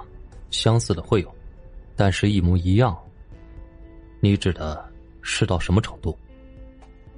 一瞬之后便镇定下来，就是完全没有相干的两个人，却是长相分毫不差。立业看着苏七现在烦躁的神色，意识到了什么。需不需要我去查一下？苏七回了神，才发现不知不觉中。自己竟然跟立业说了这么多，突然觉得面前的这个男人精明的有些可怕。其实，他还根本什么都没有挑明。怎么这么看着我？立业并不太喜欢现在苏七看着自己的眼神，冷漠、防备、窥探。没什么，不需要。苏七收敛目光。一起回答他的两个问题。好吧。立业完全没有任何纠缠，他说了，自己就照做。车厢里没有了两个人的声音，安静的连呼吸声仿佛都格外清晰。苏七看着他的侧脸，总觉得在他身上是有什么自己依然没有弄清楚的，这种感觉。就是突然凭空出现，而且毫无根据。你怎么？厉言一边吻着方向盘，一边扭头看向他。明明只是一个很简单的眼神，可是却让苏七微微一愣。那双眼睛里清澈的，好像都带着光，心微动。你回来。跟宁小姐说过了吗？一时语塞，却只想到了这个。说完之后，就连苏七自己都觉得尴尬了。立业沉默两秒，说过了。哦，那就好。苏七看向前方，感觉有些不太舒服了。也不知道是因为自己问了一个白痴的问题，还是因为对立业的回答不满意。看着车窗外急速倒退的风景，苏七清楚的感觉到，好像有什么不一样了。订阅、评论别。第二百二十二集，宁熙老师，啊，你怎么了？办公室里，同事看到宁熙拿着话筒，已经发愣了好几分钟了，开口询问着。他终于回了神，听着里面传来嘟嘟嘟的声音，僵硬的放了回去。嗯，没什么，只是他刚才打电话给立业，结果对方说他已经退房离开了。离开了，但是他走之前，甚至没有告诉他一声。难道就那么急吗？今天是不是数学竞赛出成绩了？他突然想到了一种可能性。同事点点头。哦，上午九点，主任他们都过去了，不过现在还没回来。两人说话间，外面走廊响起一阵脚步声。他透过窗户看向外面，哎，是主任。才刚刚聊到，他们就回来了。宁熙马上起身迎了出去。主任。情况怎么样？主任笑呵呵的，眉眼间带着一丝淡淡的兴奋。今年的比赛简直太让人惊喜了，竟然出现了满分的学生。满分？林夕和其他人都惊愕了神色。是啊，对了，这个学生你也认识，前天过来就是你带他们参观的。林夕呼吸一滞，似乎想到了什么。难道是德胜高中的学生？因为，他也只带了他们。对，就是他们。圣德高中，都没太听说过，这种学校的学生考出了满分。旁边的老师忍不住细细问了起来：“满分可不是一般的情况了，这样的学生简直就是所有大学都会趋之若鹜的对象了。”是啊，虽然学校不出名，但也不妨碍能培养出天才的学生。我已经跟他的副校长沟通过了，可以让他保送咱们这边。主任的话，其他人也并不意外，毕竟是这样的人才。不过宁熙却皱了眉头，所以这个考出满分成绩的人并不是张峰，因为张峰已经被保送了。主任，到底是哪个学生啊？就是叫苏七的那个女生。宁熙瞳孔剧烈收缩一瞬，僵在原地，甚至无法思考。你也被惊到了是不是？当时在场所有的人也都是差不多这样的感觉。主任忍不住一声感叹：恐怕即便现在在他们的大学里，想要能找到一个能够答出满分的学生，也是不太可能的。宁熙心情从来没有这样复杂过，用尽全力才能勉强维持表面的风度。震惊、嫉妒，更不愿意相信。那苏七现在在哪儿？他现在有了另外一个更让他愤怒的想法。他领奖之后就直接走了，好像是因为家里有事，必须要马上回去，所以我们也没有直接接触到他。还是有些可惜的。早知道的话，上次他们过来就应该好好跟这个女生聊一聊了。宁熙听了他的话，垂在身侧的双手紧握成拳头。苏七走了，立业也回去了。哦，对了，我还看到上次你的那个朋友也跟他在一起，他们是一起离开的。甚至没有等他继续追问。主任已经完全肯定他心中的猜测，因为他对立业印象深刻，所以在那里看到他还意外了一下。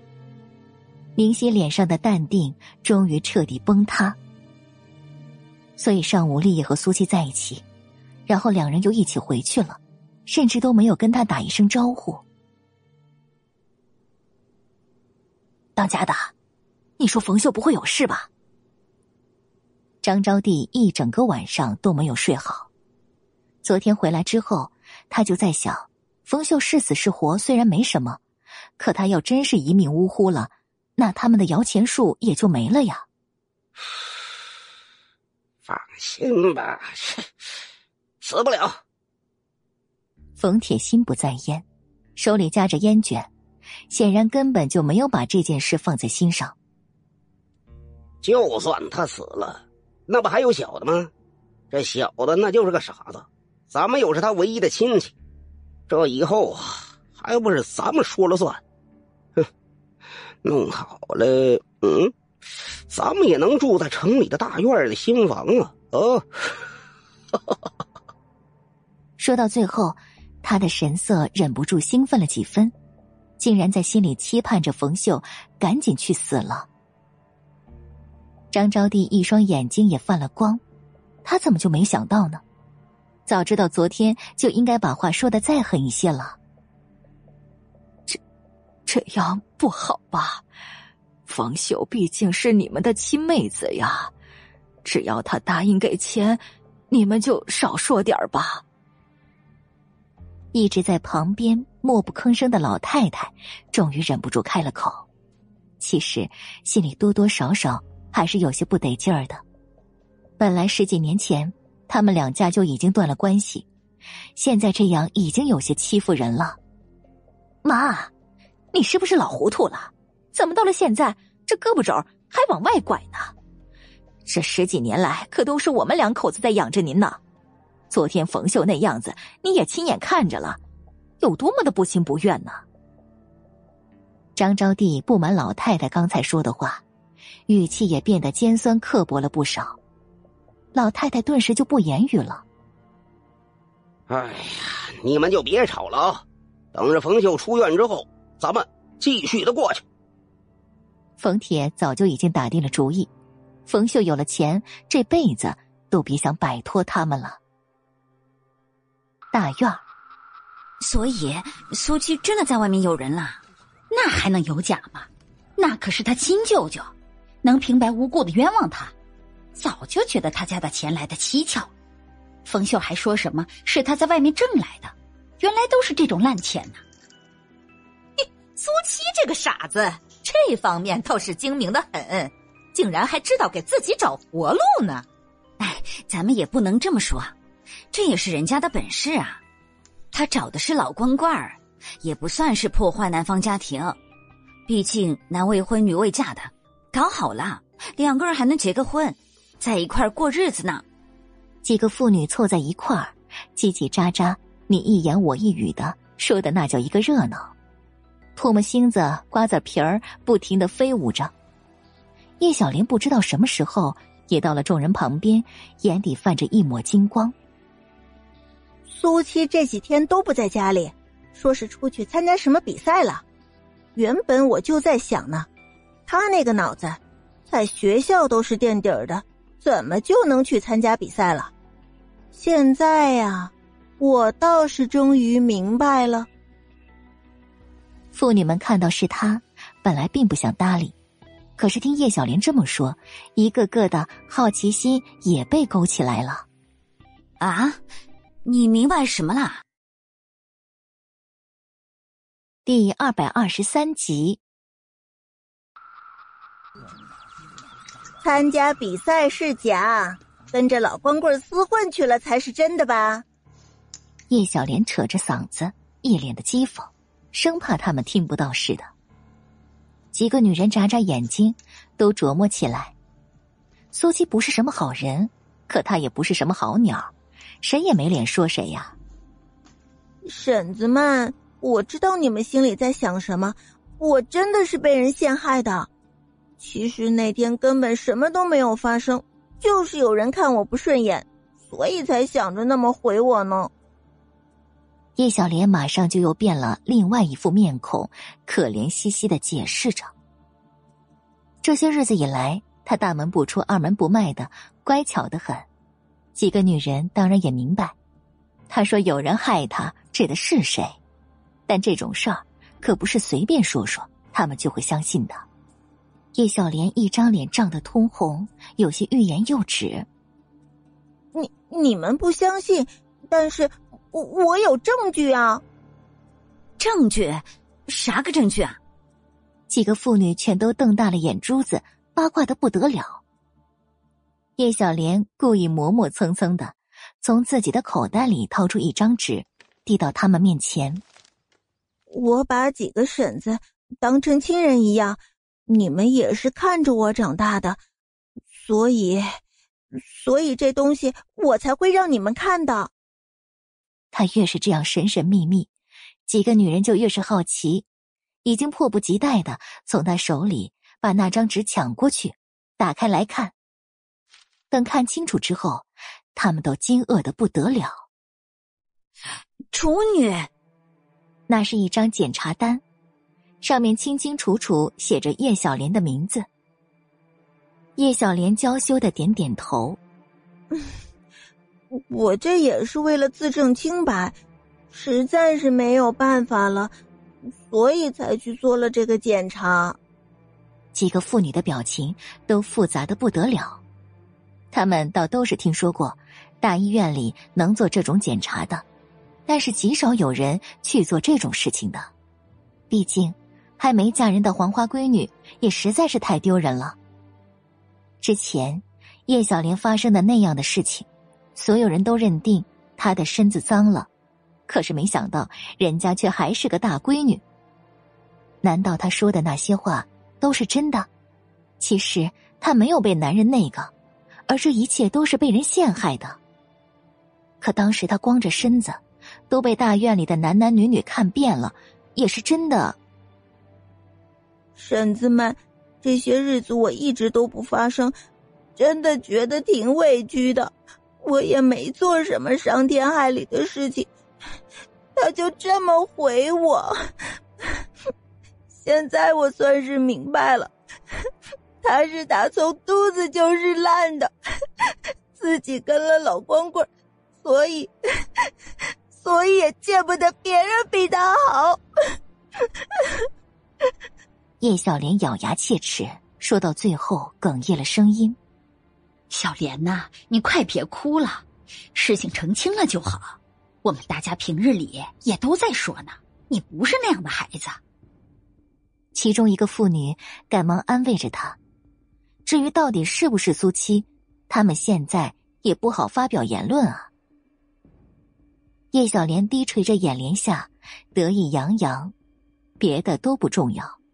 等了这么久，终于可以彻底为自己澄清了，也不枉他做了那么丢人的检查。入夜之后，医院的走廊静悄悄的。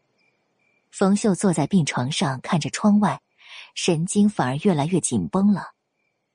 因为苏七马上就要回来了，既盼着他赶紧回来，又害怕他回来面对这么多糟心的事情。终于。外面传来一阵急促的脚步声，紧接着是王昭说话的声音：“老大，你们回来了，婶子就在里边呢。”冯秀一颗心顿时提到了嗓子眼儿，还没等他穿鞋下床，房门就打开，苏七快步从外面走进来。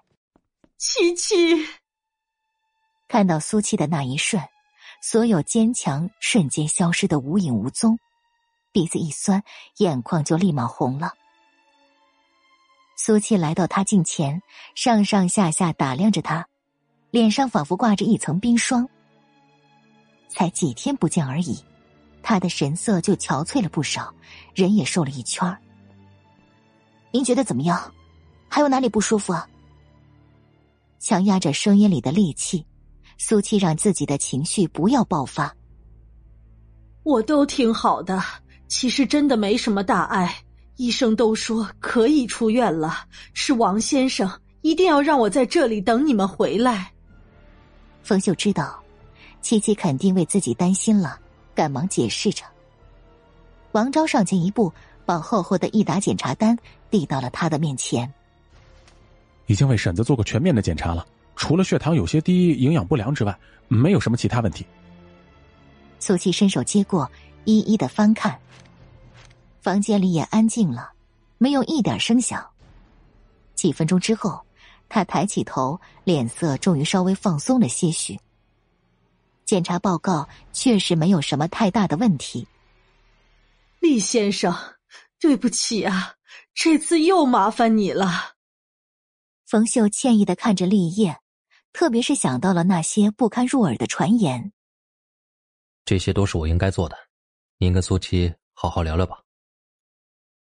立业见他无碍，直接示意王昭跟他一起走了出去，把房间让给他们母女二人。到底是怎么回事啊？苏七没有任何迟疑，开始跟冯秀询问起来。冯秀紧抿着嘴角，低着脑袋，甚至要贴到胸前了。其其实也没什么事情。他是真的没有脸面跟他说呀。苏七眼底一抹阴霾。您要是不说，我就去问王昭，或者去大院里问问那些街坊们。苏七最不喜欢他这样支支吾吾的样子，声音都不知道比平常要重了多少。别，七七，我说。冯秀一下子就急了，拉住苏七的手腕。苏七不再说话，只是看着他。等着他自己说下去。就是你还有个大舅，不过以前的十几年里，跟咱们一直都没有什么联系。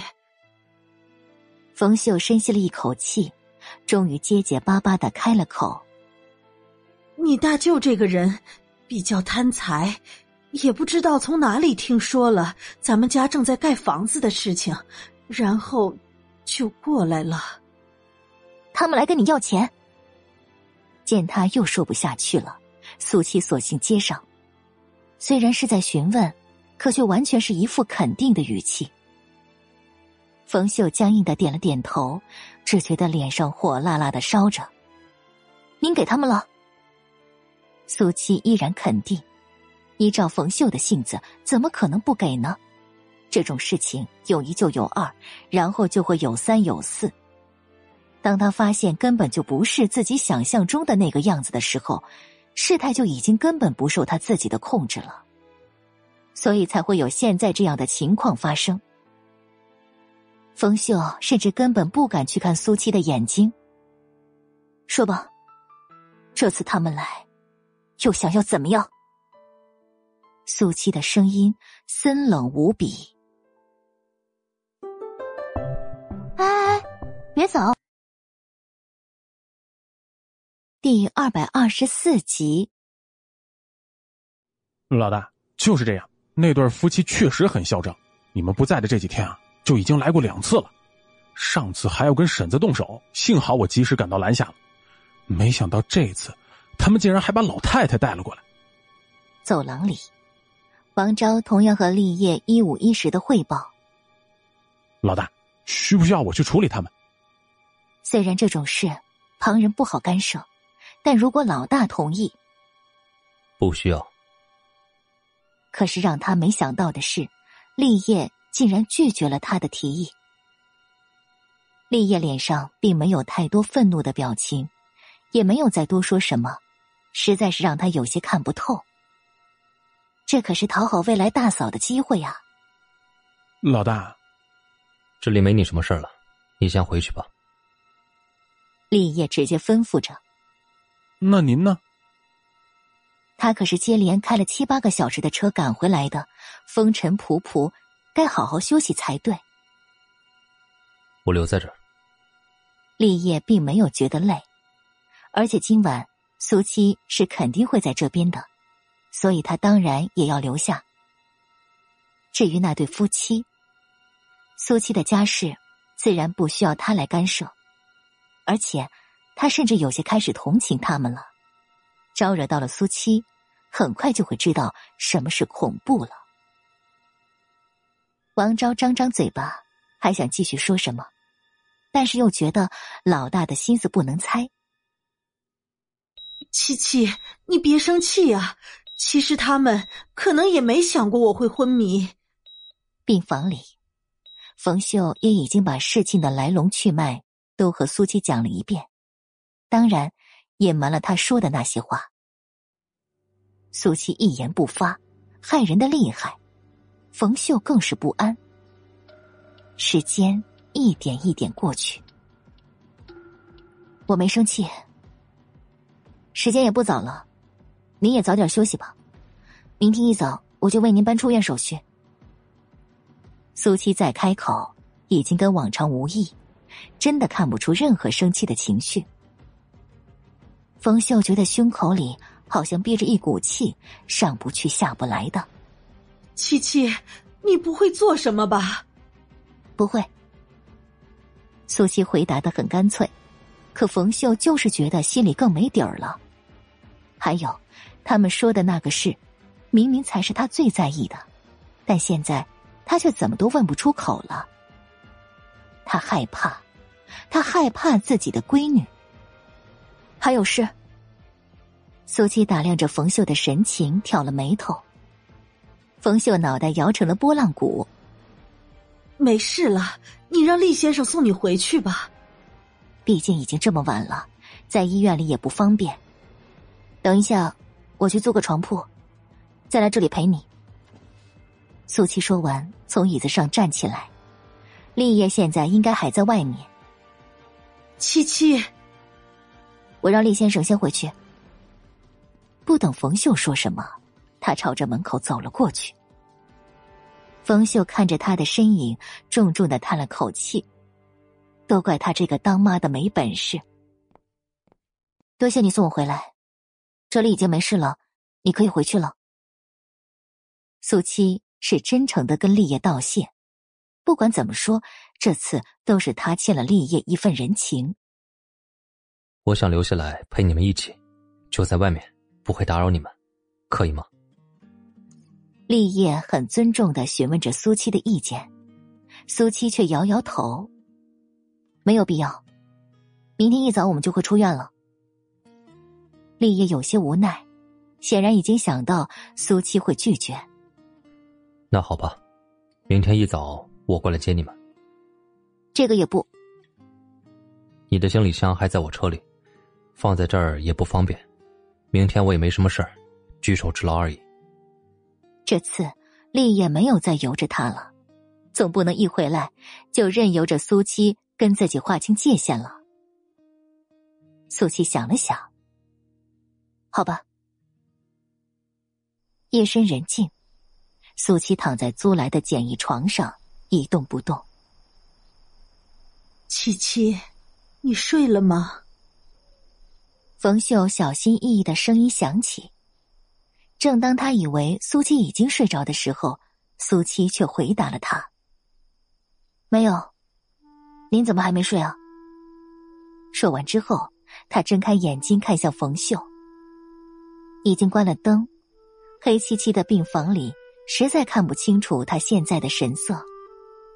我，七七，咱家的房子已经盖的差不多了。冯秀又是支支吾吾的开了口，心事重重。嗯，是该差不多了。天气马上冷了，内装可能还要等到明年开春。不过门窗装好之后，先添置一些家具，倒是可以住进去的。苏七已经盘算好了，过年的时候就一定要住进新房的。这样已经挺好了。家里就咱们两个，家具无所谓的。冯秀的声音有些急，似乎是担心什么。这个您不用担心，我来负责。苏七才刚得了数学竞赛的奖金，所以不愁花钱，而且他拿了满分的成绩，学校这边不可能没表示的。这次他回来之后，就要一门心思发展自己的事业了。任何方面，他都绝对不会屈居别人之下。我怎么能不担心呢？盖房子已经花了这么多钱了，你还只是个学生，哪里来的那么多钱？冯秀激动到声音都在微微的颤抖着。虽然理智告诉自己要相信苏七，但是他们说的那些污言碎语，却不停的在耳边盘旋着，刺激着他脆弱的神经。苏七从床上坐起来，然后打开房间里的电灯。突然的光亮让冯秀觉得刺目，一张脸早已经涨得通红了，眼角含着泪花。您还有事没跟我说吧？苏七脸色阴沉，浑身上下仿佛都散发着一股强大的压迫力。冯秀呼吸急促，还是摇摇头，紧抿着嘴角。那种话，他可怎么说得出口？苏七来到他的身边，还想继续追问，可是却看到他两鬓边已经些许苍白的发丝。陆远那张意气风发的脸庞，就那么突兀的浮现在苏七的眼前。他的年纪，其实比他妈妈还要长一岁，一个意气风发，一个白了头发。如果那个男人是真的他的话，苏七一辈子都不会原谅他。我是您的女儿，您要相信我，支持我，我会为您遮风挡雨，给您最好的生活。因为这个世界上，您只有我，我也只有您，其他人都不重要，不管是谁。苏七的神色从未有过的温和认真，每一个字都清清楚楚的对冯秀传达过去。或许他不该去追究那个男人了，因为他们早就已经是两个世界的人了，而他妈妈以后的人生中。也不该再有那个人的存在。第二百二十五集，翌日，立业早早就过来。冯秀看到他，几乎是下意识精神就紧张了。李先生，怎么好意思再麻烦您呢？婶子，您就叫我立业吧，不然太见外了。立业已经尽量在温和的表情释放着自己的尊敬。冯秀目光闪烁，心里当然是高兴的，可是那两个字却怎么都叫不出口。对于他来说，立业完全就是高高在上的存在。我去办出院手续。苏七跟立业打过招呼，然后就出去了，只剩下立业和冯秀两个人在病房里。冯秀更是局促的手脚都没地方放了。立，您坐。话说出口，他就又后悔了。这是在病房，除了病床之外，就只剩下一把小椅子了。婶子，您真的不用这样。立业有些无奈。冯秀僵硬的点点头。看着立业挺拔的身姿，就只是往这里一站，就金贵的让他不敢直视了。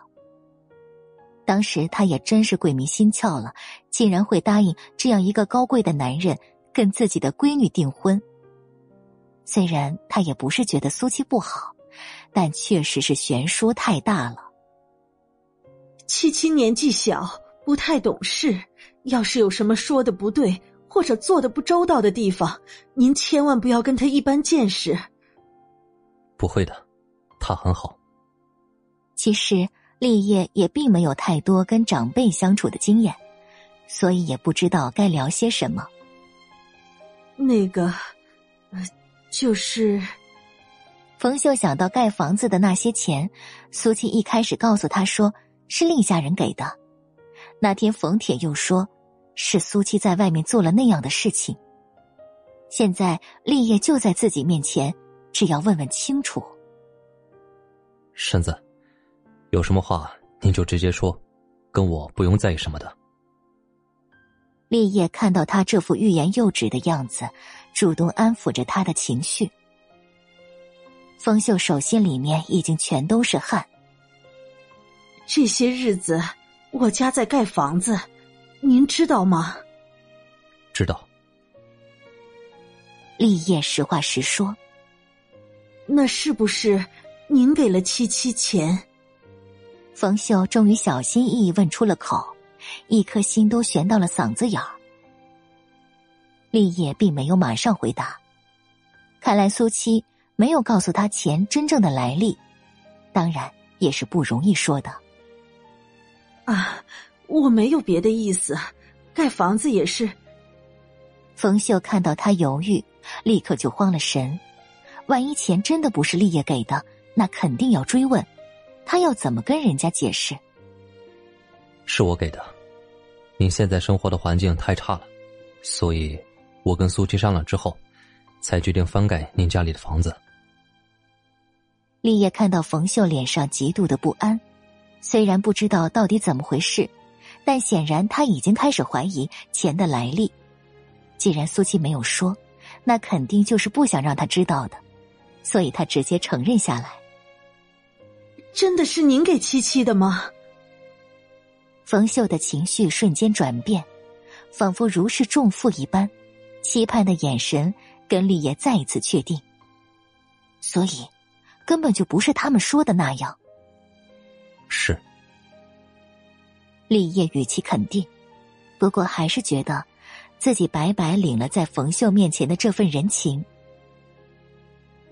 我我就知道七七不会骗我的，我就知道。冯秀甚至高兴的有些语无伦次了，一颗心总算是能够放下。这个时候，办完出院手续的苏七回来，看到他现在的表情，皱了皱眉：“您怎么了？”“ 没什么。”妈高兴。冯秀擦擦眼角的泪痕，整个人都好像重新活过来一样。苏七愣了愣，扭头朝着立业看过去，无声的询问：“立业到底跟妈妈说了什么，能让他开心成这样？”立业耸耸肩膀，表示自己也不太清楚。七七，现在咱们可以回去了吧？冯秀已经迫不及待想要回家了。可以了，走吧。苏七主动搀扶着他的胳膊，三人一起走出病房。好了，就到这里吧。在距离大院还有一段路的时候，苏七就示意立业停车了。还有很远，婶子身体不好，你还有行李，我送你们进去。但是立业可并没有停下来的意思。不，我知道你不需要，但是。也要为婶子考虑。立业强势打断苏七后面的话，他什么时候才能不对他说那三个字呢？苏七透过后视镜，看向驾驶位子上的他，不对外透露他们之间的关系，不也是立业希望的吗？我这也是为你着想，大院里的那些人，可不是你想象的那么简单。嗯，你怎么知道我是怎么想的？再说了。就算是朋友之间，接送一下也是很正常的吧。更何况，他们的关系可是比朋友要亲密多了。冯秀低垂着眼帘，似乎在想着什么。苏七刚刚准备继续开口，可是却被冯秀拦下了。七七，立立业说的对，我现在身子乏的厉害，走不了太远的路了，就让他送我们吧。冯秀的这番话，不仅让苏七觉得意外，就连立业也是一样。不过，他的嘴角却微微上扬，突然就找到了自己以后需要努力的方向。冯秀可是苏七现在最在意的人了。婶子，您放心吧，我一定会稳稳当当的把您送到家门口的。谢谢你啊！你跟我客气什么呀？冯秀听他这么说，心里舒坦的不得了。其实他也是有目的的。前天冯铁他们在这边一通胡言乱语的，大院里肯定早就流言纷纷了。今天立业开车把他们送进去，最好能够堵一堵那些人的嘴巴。虽然已经答应过不会提前透露他们的关系，可是跟闺女的清白比起来，要是到了迫不得已的那一刻。他也是要说出来的。想到这些，他觉得对立业愧疚的很，看着立业的眼神都柔和的不得了。苏七可是一点都没有错过冯秀的这些表情，额头上冒出三条黑线。有句话怎么说来着？丈母娘看女婿越看越喜欢。他怎么觉得现在他妈就是这样了？可明明在今天之前，他妈妈对立业还是拒之千里，不敢直视。这转变是不是也忒快了一点啊？不过不管他怎么想，立业的轿车还是堂而皇之开到了大院门口。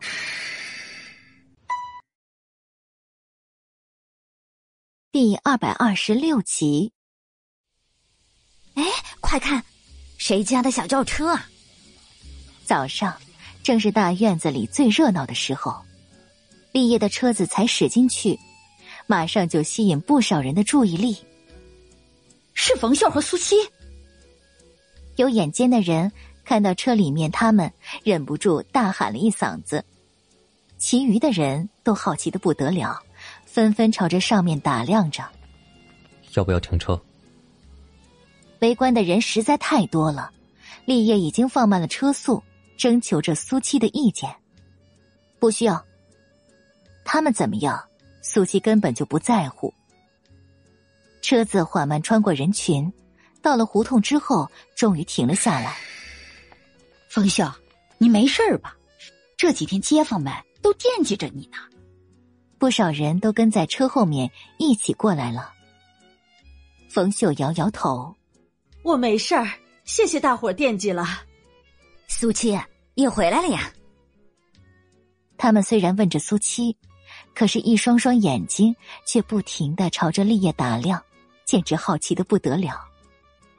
这男人不管是长相还是身上的衣着，再加上自身的气质，看起来可都不是普通人。更何况，还是开着小轿车进来的，这对母女什么时候认识这样的人物了？啊 冯秀啊，这位先生是谁呀？怎么以前都没见过呢？不对，以前我好像见过这位先生一次呢。人群里有一个妇女突然记起来，整个人都兴奋的不得了。之前立业确实是来过一次的。这位是厉先生。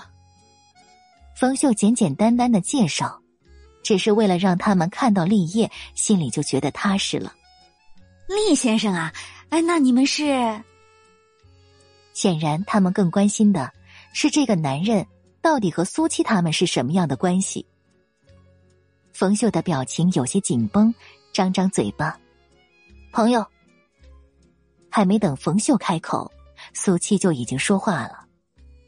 他脸上没有丝毫表情，声音也比寻常还要冷漠几分。这些看热闹的街坊们一个个面面相觑，尴尬了神色。进去吧。苏七并不打算和他们多说什么，直接对着立业示意。立业点点头，打开车的后备箱，从里面把苏七的行李拿下来，然后在一众目光的注视下走进了院子。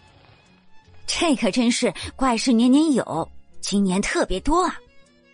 有人忍不住嘀咕着，可没听说这母女有这么阔绰的朋友啊！嗨，管他呢，反正前天那个事儿还没算完呢，到时候咱们就等着看热闹就行了。他们在外面说了些什么，苏琪当然是听不到了。院子里新盖的房子已经上了房梁，主体框架已经全都完成了。看起来气派的不得了。立业打量着，这房子盖的倒是符合苏七的性子。立业，快进屋喝口水吧，等一会儿让七七带你进去参观一下。冯秀心情好了不少，热络的招呼着。毕竟盖房子的钱都是人家出的。立业看向苏七，微微一笑，三人一起进了屋子。七七，妈都忘记问你了，这次出去考试怎么样？踏实下来了，冯秀也实在忍不住关心着他的成绩。其实不管考了多少分，他已经是不那么在乎了。以前他是惦记着苏七能够考上一个好的大学，但是现在他却觉得有另外一件事情比上大学更重要。还可以，苏七一边说。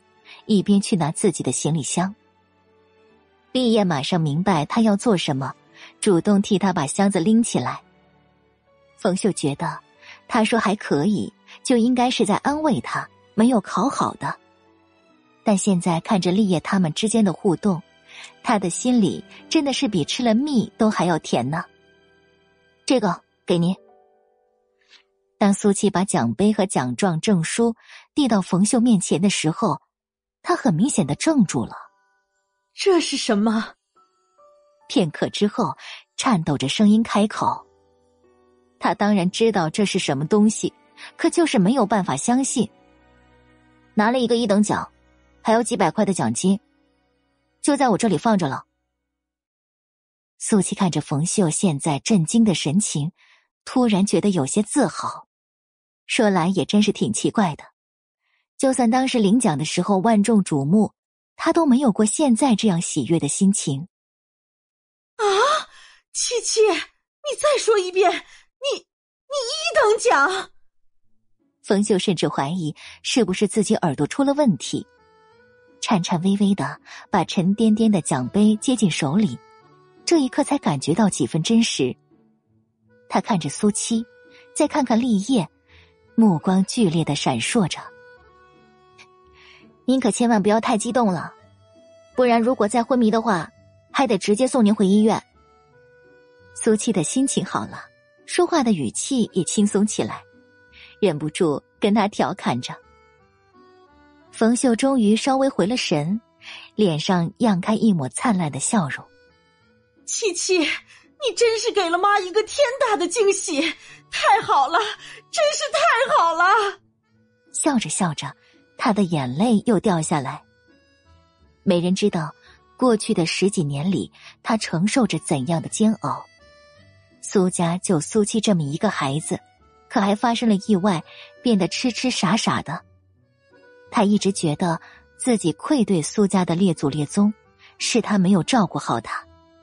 但是现在，他不但变好了，而且竟然给他拿回了奖杯。这一刻，就算让他去死，他也是满足的。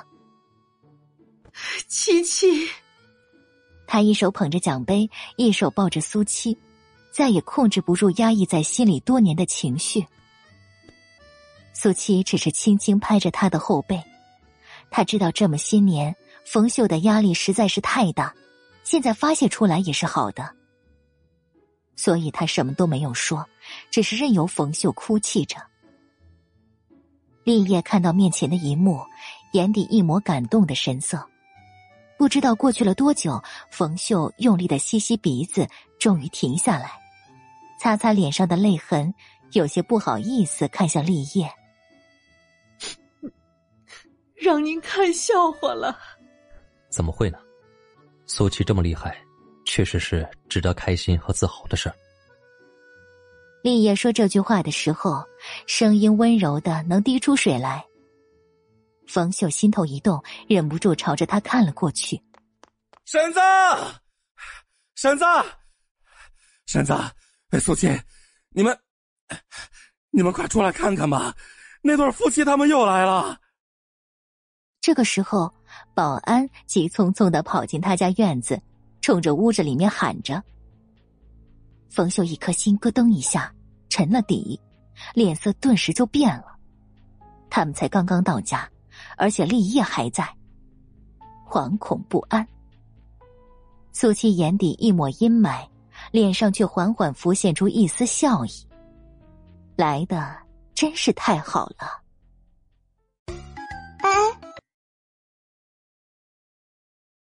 第二百二十七集，大院门口里三层外三层站满了人，这一次比前天看热闹的甚至还要更多。冯铁、张招娣、老太太三个人谁都没差。老太太依然是坐在手推车上，冯铁伸长了脖子，朝着人群外面看着。他刚才就已经确定过了。冯秀正好回来了，这是老天爷都在帮他。这一次，叶小莲他们一家人，还有王大树媳妇儿，都挤到最前面，比其他人的神色都还要更加兴奋。上一次就已经闹成那样了，今天苏七也回来了，看看这一次那个贱丫头还怎么能够全身而退。不大一会儿。冯秀和苏七身影便出现在所有人的视线当中。除了他们之外，显然立业更吸引人的眼球。几乎没有人不再好奇这位厉先生的身份了。人群自动让开一条道路，冯秀迈着僵硬的步子跟在苏七的身边，整个人的神经都已经紧绷到了极点。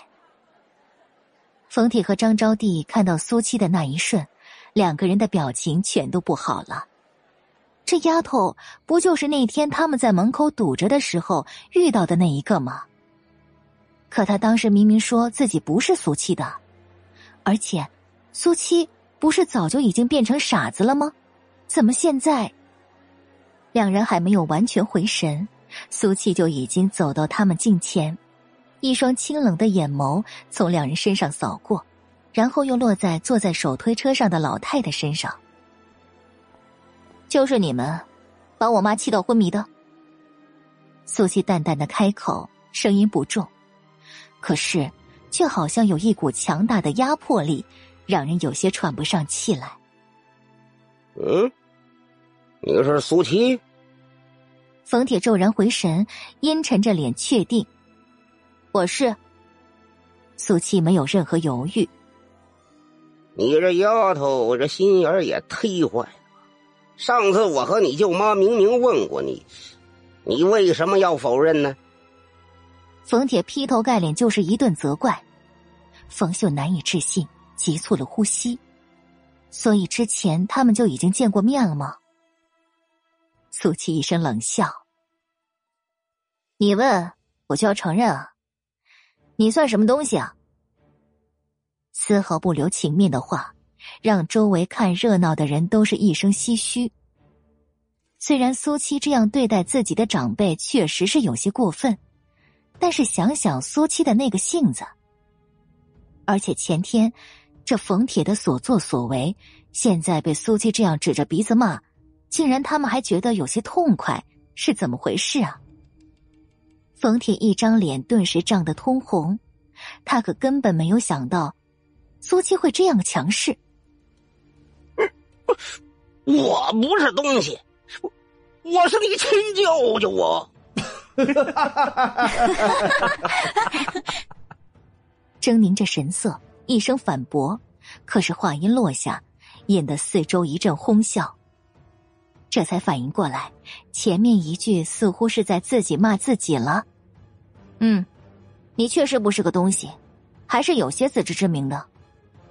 苏七竟然还确定一遍。冯铁的火气蹭蹭的窜上脑袋，撸胳膊挽袖子，就想狠狠的给他一巴掌。这小丫头片子实在是太猖狂了，这是跟谁说话呢？张招娣赶忙伸手拦住了他，现在可还不是动手的时候。而且看着这丫头这么一副底气十足的样子，就好像有什么靠山，一双眼睛滴溜溜的转，自然就看到。一直站在苏七身边的立业，当家的冷静点儿。苏七年纪还小，不懂事，咱们做长辈的没必要跟他一般见识啊！啊！一边说，一边捏捏他的胳膊，给他提醒。冯铁呼哧呼哧喘着粗气，还是勉强把火气往下压了压。哎呀，苏七呀，你可能已经不记得我们了。你小的时候我还抱过你呢，他是你妈妈的亲大哥，你的亲舅舅啊，我是你舅妈，坐在车上这位是你的亲姥姥啊。这次说话的是张招娣，态度还算和气。老太太也不停的看着苏七，忍不住的有些感慨。一晃眼的功夫，连这丫头都已经长大了，苏七完全没有任何反应。哎，你要是不相信的话啊，可以问问你妈呀，看看我们是不是在骗你。冯铁忽然觉得这丫头怎么就油盐不进呢？不必了，我不管你们是谁，以后都不要再让我看到你们，不然的话，就别怪我不客气。苏七的忍耐已经到了极限，如果不是现在这样的情况。他早就把他们打的爹娘都不认识了。张招娣两条眉毛拧成了麻花哎，我说，你这孩子怎么能这么说话呢？就算你不认我们，但是你妈能不认你姥姥吗？小的说不通，反正老的还在。说完之后，他看向冯秀：“冯秀啊，这就是你教养出来的闺女啊？”一声质问，说不出的讥讽。冯秀紧抿着嘴角，不知所措。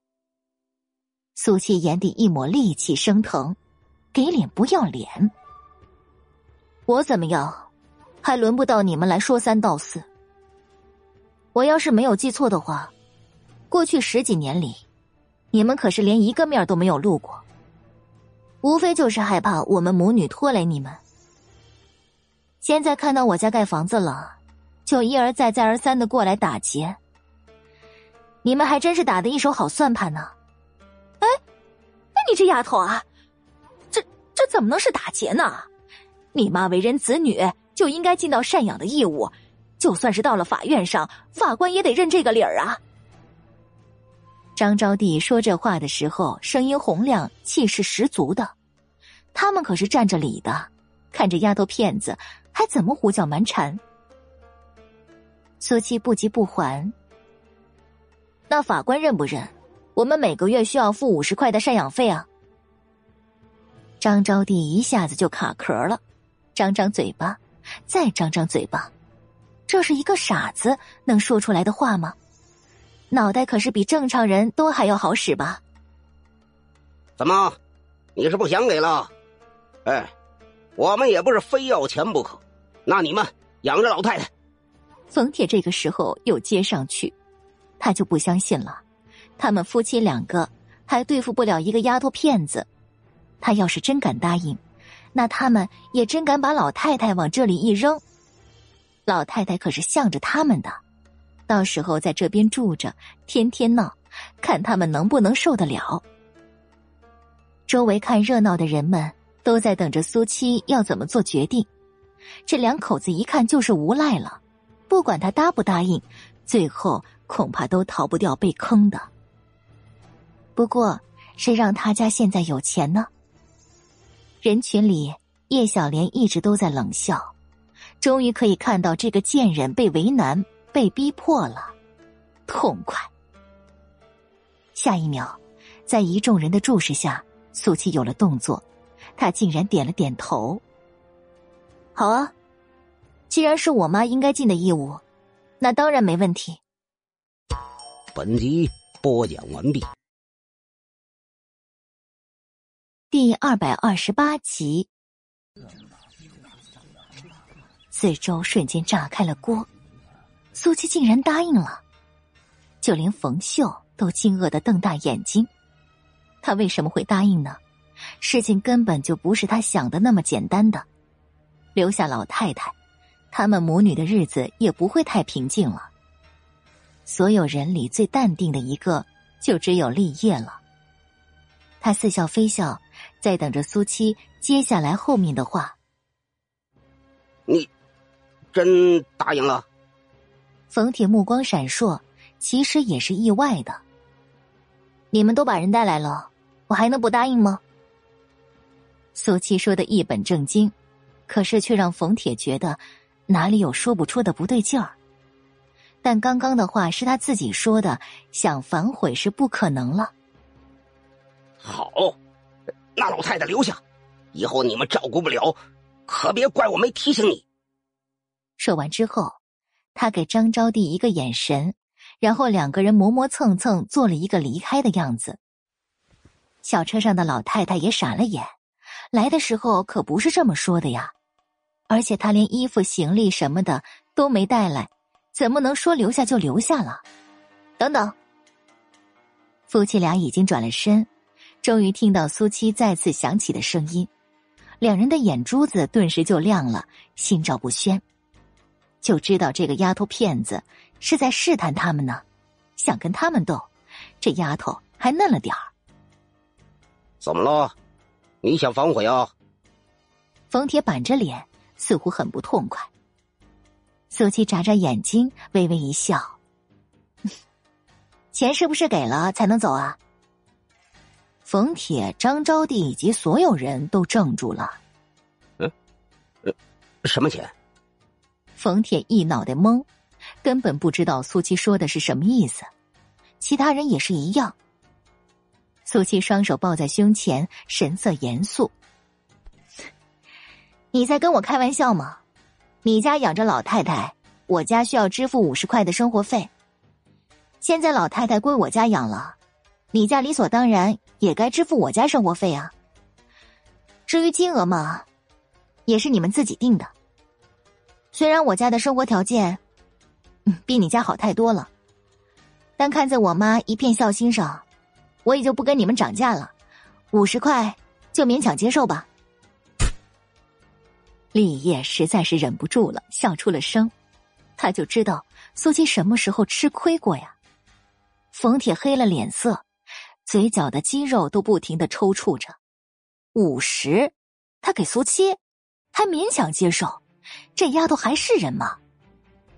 其他看热闹的人一个个也是涨了脸，红着脖子的。都被苏七这番言论给刺激到了。不过想想，人家这话也没毛病啊。叶小莲和王大树媳妇儿咬牙切齿，他们可不想看到苏七耍威风，明明就不该这样子的。我，苏七啊，你，你简直就是个趁火打劫！老太太，你家就该养着，我凭什么给你钱呢？冯铁气急败坏的叫唤。还从来没有吃过这种鳖呢，这不都是你们定下的规矩吗？苏七一脸的天真无邪，气死人不偿命。我我们那那那那那是针对你们家的。冯铁磕磕绊绊，竟然跟张招娣一样憋屈到了极点。要么给钱，要么带人走，你们选吧。苏七已经懒得再跟他废话了，冯铁脑袋瓜子嗡嗡响个不停，今天被气到血压都高了的，这个丫头片子什么时候竟然变得这么伶牙俐齿了？冯秀，你是铁了心思要跟我们作对了。显然还是冯秀更好对付。冯秀不停的揉搓着双手，然后僵硬的点点头。七七说的。就就是我的意思。虽然他性子软弱，可也不是傻子，什么该做，什么不该做，他分得清楚。大伙儿也都听到了，今天是他先不仁不义的。既然这样，老太太咱们全都别管了，让他自生自灭好了。冯铁已经气急败坏了，现在就看谁能更狠心。好啊。反正我都不认识你们是谁，那就随便吧。苏七甚至没有任何犹豫，就答应了他这个提议。对于他来说，他们全部都是完全不相干的陌生人。不仅仅冯铁没想到他会这么无情，就连冯秀都僵在了原地。老太太简直难以置信，怎么就变成了现在这样？哼，这也太没良心了吧！人群里，叶小莲终于沉不住气了，讥讽一声：“就是，再怎么样，老太太都是无辜的。”王大叔媳妇紧随其后，然后周围也开始议论纷纷的。不管怎么说，冯秀家现在日子都过得不错，赡养一位老人，无非也就是添一双筷子的事儿。冯秀，她毕竟是你亲妈，你就真能看着她没人管啊？看热闹的街坊有人开口了，虽然事情的来龙去脉他们都看得清楚，但一码归一码。冯秀的脸色难看的厉害，他当然不行了。为什么不能？这些年来，我们母女都快被冻死、饿死，已经不知道有过多少回了，也没见谁管过我们啊。苏七淡淡扫了老太太一眼，他又是什么好人？前天才任由自己儿子儿媳把他妈妈给气得晕倒，今天就又来了。但凡还顾念一丝丝母女情分，恐怕也做不出这样的事情。现在还想利用他妈妈的孝心，呸！那毕竟都过去了，现在你不是好好的吗？叶小莲又是一声揶揄。苏七眼睛微微眯起来，他倒是才发现，叶小莲又出来蹦跶了。被他这么盯着一看，叶小莲马上感觉到头皮一阵阵的发麻。不能否认，他是打从心底里忌惮苏七的。晃动的眼神突然扫到立业身上，虽然不知道这男人跟苏七到底是什么关系，但却一直都站在那里。哼，难道我说的不对吗？反正你的钱来的那么容易，尽尽义务怎么了？恶从胆边生，扯着嗓子质问。冯铁和张招娣也好像找到了什么底气，齐齐点点头。对呀。群众的眼睛是雪亮的，苏七，你别给脸不要脸啊！逼我们把你的丑事说出来。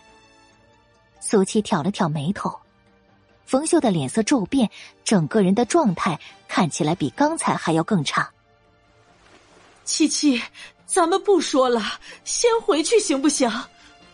他颤颤巍巍拽着苏七的衣袖，其他时候也就罢了，但是现在毕竟立业还在。就算不是真的，但依旧是人言可畏啊！苏七把他的不安尽收眼底。不行，我也想听听我自己有什么丑事。第二百二十九集，冯秀脸上一片惨白，他到底要怎么说，他才能听话呀？婶子，别担心，相信苏七。立业同样也看出了冯秀的惊恐。其实面前的事情并不难处理，但是要堵住这悠悠众口还是有些麻烦。按着苏七的性子，以前肯定是不会这么去废话的，想必也是担心冯秀这边的接受能力。立业，不是你想的那样。冯秀实在不知道该怎么跟他解释才好。而且冯铁也根本没有再给他多余的时间。苏七，你就别装了啊，我们早都搞搞清楚了，你在外面找了个有钱的老光棍养你，还靠靠着人家盖了新房子，你以为你手里有几个烂钱就能六亲不认了？我呸你！苏七和立业愣了愣，四周的人一个比一个都要八卦，这层遮羞布。总算是揭开了，现在就看苏七到底会怎么回应了。叶小莲洋洋得意，想到了之前自己被陷害、有口难言的时候，现在这个贱人也终于可以体会到跟他一模一样的痛苦了。李烨，您千万别听他说的，他就是胡说八道。不是我胡说八道，哎，那个老光棍我们都已经见过了。而且他亲口跟我们承认呢。冯铁扯着嗓子打断冯秀的辩解，他就是要告诉所有人。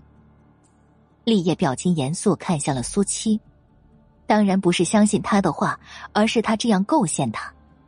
今天的事，让他彻底看清了，这里实在是乌烟瘴气，他们还有什么继续留下来的必要？婶子，您放心，我不会相信的。不忘记安抚着冯秀的情绪，苏七同样也看向了立业，然后是冯秀。他终于明白，冯秀为什么会突然被气到昏迷了。哦，老光棍啊，你们还都已经见过了。冯秀他们很明显的愣了一下，这种丑事被揭穿，苏七应该是愤怒、羞愧、不安，反正各种情绪都可以。但是唯独不能像现在这样淡定的，人都是要脸的。那他住在哪里啊？苏七耐着性子细细询问，一双眼睛忽明忽暗。哦，他就住在……呃，大叔，你跟他说这么多做什么？他自己心里不清楚吗？现在还这么装模作样的。冯铁的话才说到一半叶小莲急匆匆的打断他。他忍不住多看了叶小莲一眼，这小闺女儿是跟苏七不对付吧？不然也不能这么帮他们呢。呃，是啊，你还有脸问我呀？冯铁凶狠的对苏七回了一句。苏七冷冰冰的看着他们，在叶小莲身上停留两秒。没有的事情，依然是很平静的回应。周围的街坊你看我，我看你，显然对苏七的反应都很难理解。怎么可能啊！你舅舅连人都已经见过了，如果不是，你就当着所有人的面说清楚啊！你家盖房子的钱到底是怎么来的？张招娣也跟着一起质问。反正现在也已经彻底撕破脸了，什么都不用顾忌了。冯秀求救的目光看向立业，现在也只有立业能说清楚了。我的钱为什么要跟你们交代？既然你们不肯说，那就换个地方去说吧。苏七已经明白了所有的事情，自然是不会再继续跟他们浪费时间了。冯铁和张招娣对视一眼，两人心里都有了一股不祥的预感。嗯，你什么意思？帮我看着我吗？我去报警。苏七甚至连看都不再看他们，跟立业叮嘱一声，然后朝着不远处的门卫室走过去。那里有座机电话，他并没有压低声音，所有人都听得清清楚楚。报警！冯铁他们夫妻俩一下子就急了，两个箭步冲到苏七的面前。“哎，报什么警啊？他这是吓唬谁呢？”让开！苏七冷得骇人。冯铁呼吸一颤，终于看出来苏七是认真的，可是他们根本什么都没做。哎，苏七呀，有话不能好好说吗？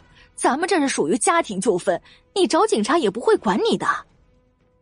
张招娣刚刚的强势瞬间就少了一大半手心里已经冒出了一层冷汗了。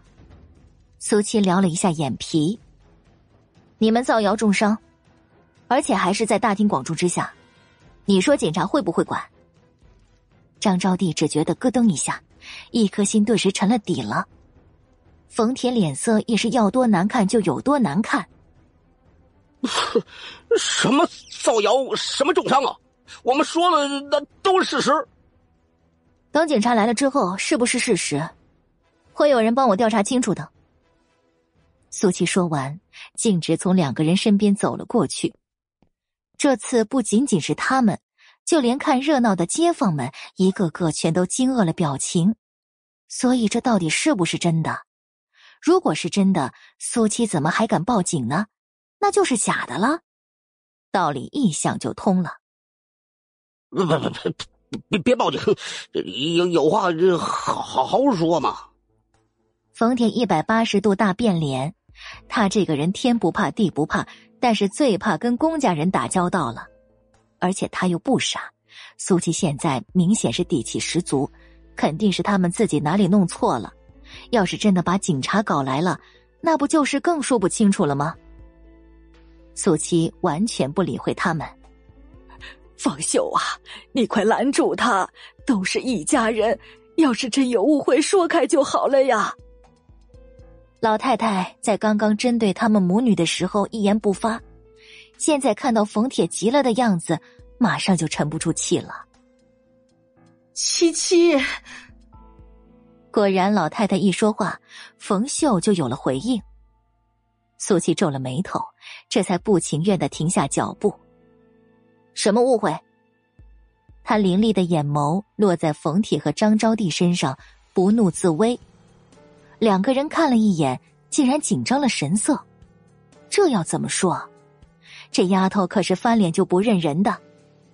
呃呃，这这我们只是听别别人说的。听谁说的？苏七开始正式盘问。张招娣却是看向了冯铁，他是听冯铁说的。冯铁抓抓脑袋，嗯，我是听你们大院里的人说的。其他人，苏七心里一声冷笑，显然已经想到了。你们这么看着我干什么呀？本来就是的，我们之前过来，就是你们。都在议论呢。冯铁看着四周那一张张诧异的面孔，拧着鼻子嚷嚷着：“这些人也都不是什么好鸟，跟村里人都一样，没什么素质，天天背地里嚼舌头根子，最后还摆出一副高人一等的姿态。”呃，第二百三十集，不少人都红了脸。议论当然是议论过，可是没谁敢说的那么笃定，而且他们都是在听别人在说的。不过细想想，谁都不知道到底是从哪里起的头。老光棍的地址谁告诉你的？苏七阴沉了声音，这才是最主要的。呃，也是这里的人吧？冯铁一边说，一边朝着人群里打量。你这是什么意思？你是在说是我们这里的人告诉你的？有人沉不住气了，忍不住询问：“哦，是啊。”冯铁点点头，很肯定。那你说是谁？这事儿可大可小了。人群全都安静下来，等着他指认。冯铁看了一圈又一圈，然后又摇摇头：“呃。”他现在没在这儿。大院里这么多人，当然不可能全都在这里看热闹。但问题是，到底谁这么缺德，造了这种谣言？你都不知道他是谁，你怎么肯定就是我们这里的人呢？这个锅自然是谁都不想背的。他自己说的呀，说就住这里。然后告诉我苏七在外面的事儿，还是说了那个那个老光棍的地址。冯铁也不藏着掖着，实话实说，不然他怎么会知道的这么清楚呢？那他叫什么名字？冯铁翻了个白眼儿，他真是服了这个男的了。这别人跟你聊八卦，你还得问问人家叫什么呀？怎么到头来？搞得他像是犯人一样啊！苏七呀，你看现在这事儿怎么个处理呀？大院里这么多人，总不能都出来让他认一认呢。这也不现实啊！大院里的人牵了头，征求着苏七的意见。不需要。苏七说完，又向冯铁开口：“地址。”冯铁反应两秒，然后把老光棍的住址说出来。人群里，叶小莲的一张脸比吞了大便还要难看。你们是现在走，还是让警察过来请你们走？苏七紧接着就又是这么一句。冯铁直勾勾的盯着他，他想知道的都已经告诉他了，苏七还有什么理由找警察呢？诬陷重伤还在，而且这么多人都可以作证，只要我愿意，随时随刻都能让警察。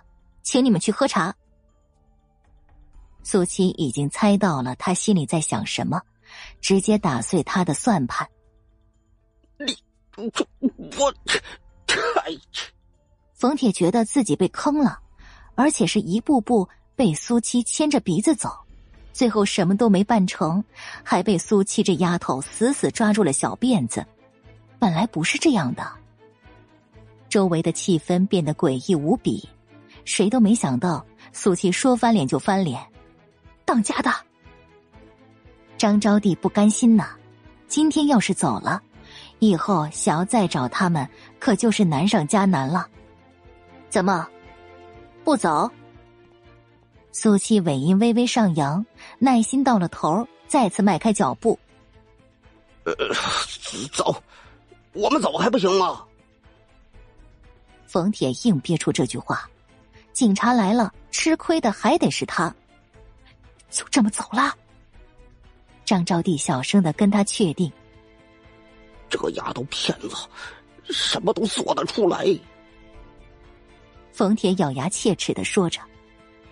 张招娣不言语了，跺跺脚：“别忘了，把老的一起带走。”苏七冲着两个人的身影特意提醒着。冯铁脚下一个踉跄。整个人仿佛被一股阴影笼罩，至少先回去避避风头，等过一阵子。看着他们夫妻俩竟然真的推起老太太要离开，不少人唏嘘着，事儿就这么解决了。原本还以为苏七他们娘俩是怎么都没办法摆脱他们的，到底还是苏七的心眼太多了，三言两语就解决了。虽然还是不知道他家盖房子的钱到底是怎么来的，但肯定不是现在说的那样就对了。大家都散了吧。没什么好看的，还有啊，以后都管管各自的嘴。说话的是一个年长的男人，在大院里面还算是有些威望。气氛尴尬的要命，人群呼啦啦的散开。冯秀站在原地一动不动，只是盯着冯铁他们远去的背影。真的就这么走了吗？我们也回去吧。知道苏七的声音在他身后响起。七七，妈，您别担心了，他们短时间之内不会再来了。苏七肯定的说着。至于以后的长时间，他是不会给他们机会的。冯秀僵硬的点了点头，但是心却安定下来。叶小莲跟在自家父母身后，脑袋低着，磨磨蹭蹭的走着。他对这样的结果实在是太不满意了。怎么就又让那个贱人安安稳稳的处理了？还有，连老光棍住的地方他都知道。到了家里，冯秀进了屋子，而苏七和立业却站在院子里。刚才的事让你见笑了。苏琪面无表情。其实也不是非要住在这里，在外面置办一套宅子，你和婶子住着也安静。立业提出自己的想法，他以前可是最不喜欢这种麻烦人的事。不用，这里挺好的。苏七是真的觉得有意思，这样他的生活也不会太无聊。你是认真的？立业皱了皱眉头，有几分无奈。他太清楚苏七现在阴鸷的眼眸了，那分明是有人要遭殃了。时间不早了。你可以回去了。苏七回神，几乎下意识就是以前命令的口吻。立业叹了口气：“其实，怎么？没什么，我走了。有需要的话，随时联系我。”立业一边说，一边从上衣口袋里掏出一张名片，递给苏七：“你已经给过我了。”苏七完全没有要接过的打算。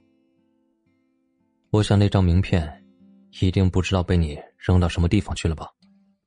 立业的声音里几乎在刻意隐藏着什么情绪。苏七目光闪烁，如果以往他确实会，但是因为他要出门，所以那张名片却是给了他妈，当然没必要跟他解释这些的。既然知道，就别浪费了。一张名片，我还浪费得起？立业很固执的把名片放进苏七的手中，他想对苏七说：“其实他也可以试着依靠自己的，让自己去处理这种事情。”但是说了，苏七也肯定不会放在心上吧。苏七皱着眉头，看着他的身影消失在他家大门外。这个男人奇奇怪怪。第二百三十一集，七七，厉先生走了。冯秀心事重重，刚走。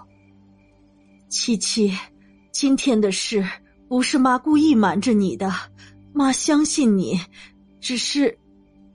冯秀惴惴不安的跟他解释，也有些后悔没有早些告诉苏七。没关系，也不是什么重要的事情。苏七的神色温和，没有半点怒气的样子。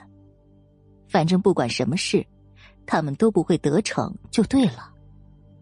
七七，你不会是真的想要？冯秀突然支支吾吾，欲言又止。想要什么？苏西心不在焉的问了一句，然后朝着门边的垃圾桶走了过去。立业的那张名片被他毫不犹豫的扔了进去。本来就已经有一张了。你不会是真的想报警抓你舅舅吧？冯秀用尽力气把后面的话问出口。冯秀扭头看向他，短暂的沉默让他更加的紧张不安。我就是随便问问而已，我知道你就是吓唬他们，毕竟他们还要照顾你姥姥。冯秀不敢等他的回答了，自顾自的说起来。苏七依然没有说话，房间里安静的，没有一丝声响。我去给您做饭。终究还是苏七先开了口。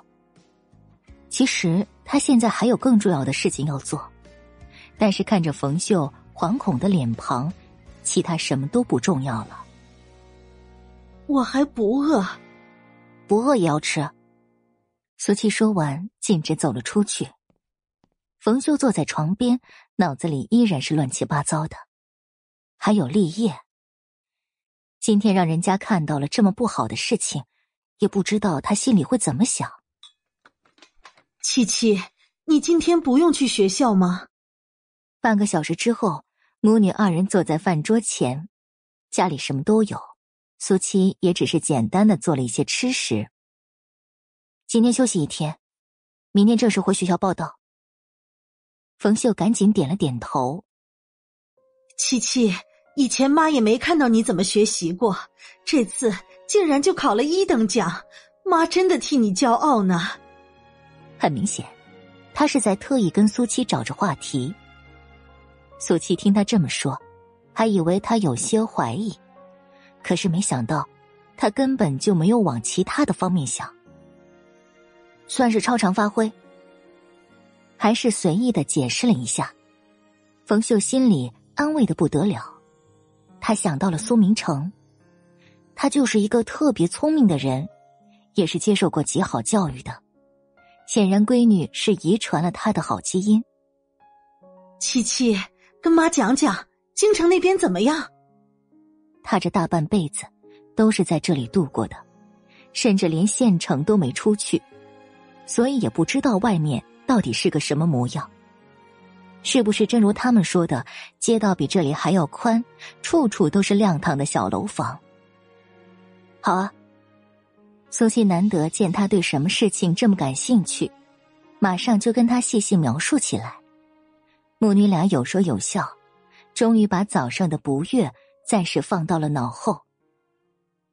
圣德高中，哎呀，当时我就坐在那儿，听到赵峰排名的时候，先是高兴了一下，然后就反应过来了，苏七的名字还没公布呢！哎呀，我那个紧张。本来想着苏七要能排到五十名左右就已经是奇迹了，可是没想到啊，都前十了，依然没有他。我坐不住了，旁边那些人也坐不住了，一个个都在盯着苏七瞧呢。可是人家苏七淡定着呢，完全就是一副胸有成竹的样子。校长办公室里，孙海站在中间，手舞足蹈的讲着公布成绩那天发生的一切。高江、周康。甚至连赵建新都在，几个人竖直了耳朵听着，都觉得惊愕的不得了。即便昨天他们就已经知道了结果，可是经过一个晚上，依然无法消化苏七满分拿到第一名的这个事实。孙海说到了被米娅质疑，又说到了大赛负责人为苏七澄清，说到苏七站在领奖台上的风光。最后说的嗓子都快冒烟了，走到办公桌前，拿起水杯一饮而尽。高江脸上挂着一抹浅笑，虽然知道他的言语绝对是有些夸张了，但是大抵也应该就是这样一个场景了。这次的苏七，着实为整个圣德高中扬眉吐气了。我就知道苏七是肯定没问题的。周康一脸的自豪，已经笑得腮帮子都疼了。苏七是他的学生，而且还是他极力推荐的人。所有人里，反倒是赵建新神色最复杂。以前他可是最看不上苏七的，甚至在他去京城之前，他还在他的一次测试上考了个零蛋。一边是数学大赛的满分成绩，一边是他的语文的零蛋，这差距也实在是太大了些。周康似乎看出了他的不满，拍拍他的肩膀：“那个赵老师啊，你也别灰心，那这苏七呢，的确是一个可造之才，你以后呢，在他身上多下下功夫啊。”他的语文成绩应该是也可以提高一些的啊！哈哈哈哈赵建新忍不住对他翻了个白眼，他可还是苏七的班主任呢。高江目光闪烁，能够写出与恶同行那样的好故事，那丫头的语文功底又能差到哪儿去啊？恐怕在语文这个科目上，也是他有意隐藏的。好了，苏西这次。确实为学校争光了，该有的奖励自然一样都不能少，但也还有吴香香，她的事儿同样需要好好处理。提到吴香香，欢快的气氛便戛然而止了。哎呀，或许是我们给他的压力太大了，所以他才会做出这种糊涂事啊。周康想了想，还是试图为吴香香找了个解释。毕竟，他也是他很得意的一个学生。压力大家都有，但这不是犯错的理由。高江严肃了声音，完全表明自己对这件事的态度。周康和赵建新对视一眼，都知道他向来是奖罚分明，自然是多说无益了。那校长打算什么时候对他进行通报？下周吧，毕竟他们都刚回来。需要时间调整状态。高江做了决定，赵建新和周康他们都点点头，又聊了几句，然后便离开了。办公室里只剩下高江和孙海两个人。高校长，圣都大学、清北大学、国际大学，他们都已经对苏七抛出了橄榄枝，而且清北大学的负责人还特意跟我说。如果苏七愿意过去就读，不但免除所有学杂费，还会给他一笔不菲的奖学金。孙海的声音依然压抑着一丝隐隐的兴奋。自从圣德高中开校到现在，这样的情况可还是破天荒第一次啊！订阅评论第二百三十二集。你不会答应了吧？高江非但没有任何喜色，反而赶紧跟着他确定着。孙海连忙摇摇头。当时苏七已经走了，我也只是帮他应付着。到底选哪一个，肯定是要他自己拿主意的。高江很明显的松了一口气，还好，苏七跟一般的学生不一样，就连他都摸不准苏七到底是怎么选择的。今天他们都还在休息，等明天过来之后，我会找个机会好好跟他聊一聊的。这边圣德高中喜气洋洋，可是同样已经返回去的龙腾学院的学生，甚至对这次的京城之行只字不提了，因为实在是太丢人了。米娅甚至连学校都没有去，她觉得心里一直憋着一口气，上不来下不去。雅雅，我让张妈给你做了果盘，你快尝尝。米粒米端着果盘，迈着优雅的步子走进他的房间。明明已经四十五岁的年纪，可是她的皮肤依旧光滑，眉目如画，一身精致面料的旗袍完美勾勒出她凹凸有致的好身材。嗯，不想吃。米娅抱着枕头。懒洋洋的窝在床上。米粒米放下果盘，煞有其事的来到他的身边，摸摸他的额头。他和陆远是昨晚回来的，回来之后他就发现女儿的情绪似乎不太好。原本以为是这次出去没有得到好的成绩，但是跟带队的老师联系之后，才知道他考了第四名。虽然没有拿到奖杯，但是这个成绩。也已经是极好的了，他的女儿果然是才貌双全。我没事儿，米娅下意识的避开他的手掌。米粒米皱了眉头，还是很少看到米娅这么生气的样子。宝贝儿，你这是怎么了呀？跟妈说说，谁惹你不高兴了？他也和陆远聊过了，但是他也不知道女儿的情绪到底是怎么回事。不过他的身份也应该没有人不知道的，所以怎么还会有不长眼的敢来招惹他呢？没人惹我。米娅是真的不想再提到那个人的名字了。而且现在他们都已经各自回来了，天高水远的，恐怕以后连见面的机会都不会有了。可是，我爸呢？他今天不是说要陪我们吗？米娅不等他继续开口，直接岔开话题。提到路远，米利明果然就灿烂了笑容。他在书房处理文件呢，我在聚香斋订了个位子。中午我们出去吃，然后再顺便去打打麻将。我不想出去。米娅实话实说，事实上她现在什么心思都没有了，更别提陪他去打麻将了。那种活动估计也就只有他爸能够忍受得了无聊。那怎么能行？我们一家人已经好久没有正式的在一起约会了。米粒米的态度异常坚决。米娅愣了愣，她当然明白他的意思。从他记事开始，他爸妈的感情简直就是如胶似漆的。确切的说，他妈离开他爸就活不了了。年轻时候的你侬我侬也就算了，但是他偏偏数十年如一日，几乎每个月都要去那么两三天，一起出去用餐约会。这种仪式感，就仿佛他在告诉所有人。他们是这个世界上最恩爱的夫妻，最幸福的一家人。虽然米娅不情愿，但半个小时之后，还是跟着米粒敏到了大厅里。米粒敏特意让她穿了一件公主裙，然后满意的不得了。我家小公主这么漂亮，以后也不知道哪家的公子有好福气呢。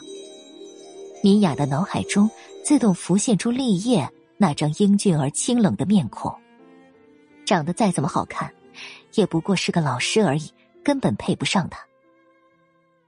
陆远已经坐在沙发上了，看到他们打过招呼，然后放下手里的报纸。爸，你在看什么呀？米娅亲昵的坐在他身边，跟米粒敏比起来，他跟陆远的感情还是更好一些的。没什么。陆远似乎并不想让米娅看到那份报纸，递给米粒米一个眼神。米粒米虽然疑惑，但还是明白了陆远的意思，拿起报纸，随手递给旁边的下人。看你们都已经打扮好了，咱们出发吧。陆远看了一眼时间，已经十一点了。米娅并没有多想什么，挽着他的胳膊站起来。一路上。米粒米跟陆远有说有笑，但是说的全都是米娅不感兴趣的琐碎事情。他透过后视镜看着米粒米开心娇嗔的模样，突然觉得他真的是太好命了，竟然能找到他爸这样有能力、有责任心、顾家、性格还这么好的男人。至少他的那些同学里，但凡家里条件还不错的长辈，在外面都有女人。甚至还有一些养了二房的。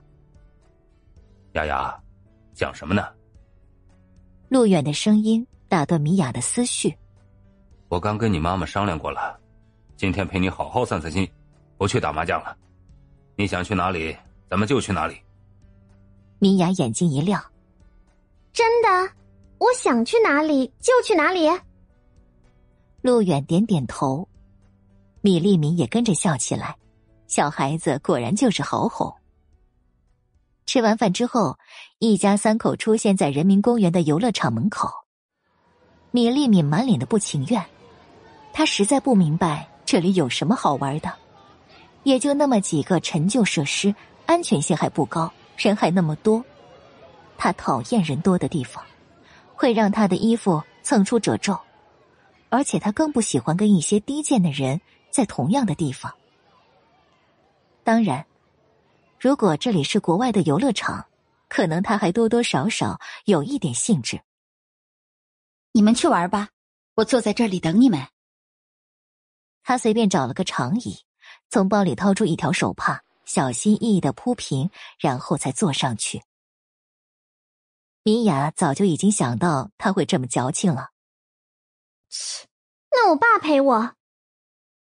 陆远点点头，又跟米粒敏确定一遍：“你在这里可以吗？”“可以，你们去吧。”米粒敏答应的非常爽快，反正比起去里面挤起来，这里可要舒服太多了。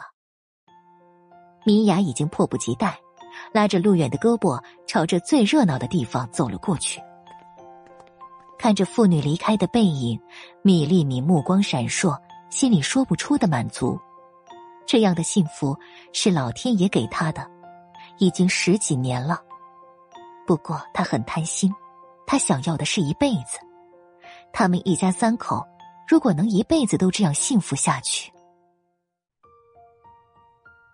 订阅评论别忘记，精彩故事再继续，我们下集见。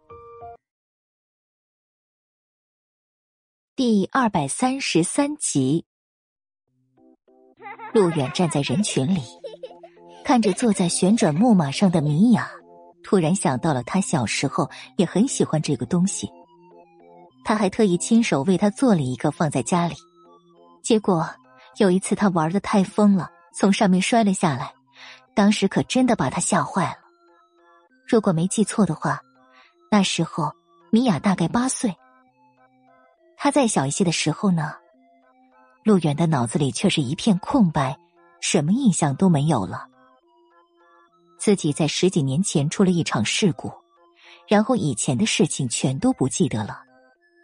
虽然妻子对他不离不弃、细心照顾，可是他的心底还是有些失落的。早些年前，他也还在尝试着，能不能通过治疗找回那段记忆，但却一直没有任何进展。在后面，事业越做越大，他也越来越忙，所以就渐渐的放弃了。请问，身后。似乎突然有人在跟他说话，陆远马上朝着他转过去，是一个跟他年纪相仿的中年人。看到他的那一瞬，那男人甚至惊讶的张大了嘴巴。明，明成，真的是你？你没死？男人震惊的话都已经说不利索了，那副样子就好像见到鬼了一样。陆远皱了眉头，根本就听不懂他在说什么。男人也察觉到自己失态了，赶忙严肃了表情，急躁的询问起来：“你这十几年都去哪里了？既然没事怎么没有回家啊？”冯秀还对不起，你是不是认错人了？陆远反应过来，直接打断他后面的话。男人猛地怔住了，难以置信。不可能啊！你不是苏明成吗？苏明成。陆远呢喃着这个名字，脸色有了细微的变化。男人似乎也终于意识到了什么，再一次上上下下打量着他。这张脸分明是……我姓陆。陆远声音有些紧绷，但还是解释起来：“啊。”男人愣在原地，这个时候，米娅从里面走了出来，到他身边。爸。男人直勾勾的看着他，然后再看看陆远，这个女孩子叫他爸爸，所以真的是自己认错人了。毕竟苏明成是失踪了十四年，就算他马上就在外面有了另外一个家，也不可能有这么大的女儿。啊。对不起，陆先生是吧？我认错人了。虽然极不愿意承认，但是却又不得不承认。不过，这个世界上怎么会有这么相似的人？说是一个模子里刻出来的，也不为过的。哦，没关系。陆远的神色带着一丝说不出的复杂，还想再问什么，可是米娅却疑惑的开了口：“爸，他是谁呀？怎么气氛这么奇怪？”陆远摇摇头，对于面前的这个男人，是真的一点印象都没有。男人觉得不好意思了，什么都不再说，从他们父女身边走了过去。爸，我有些累了，我们去和妈妈会合吧。好。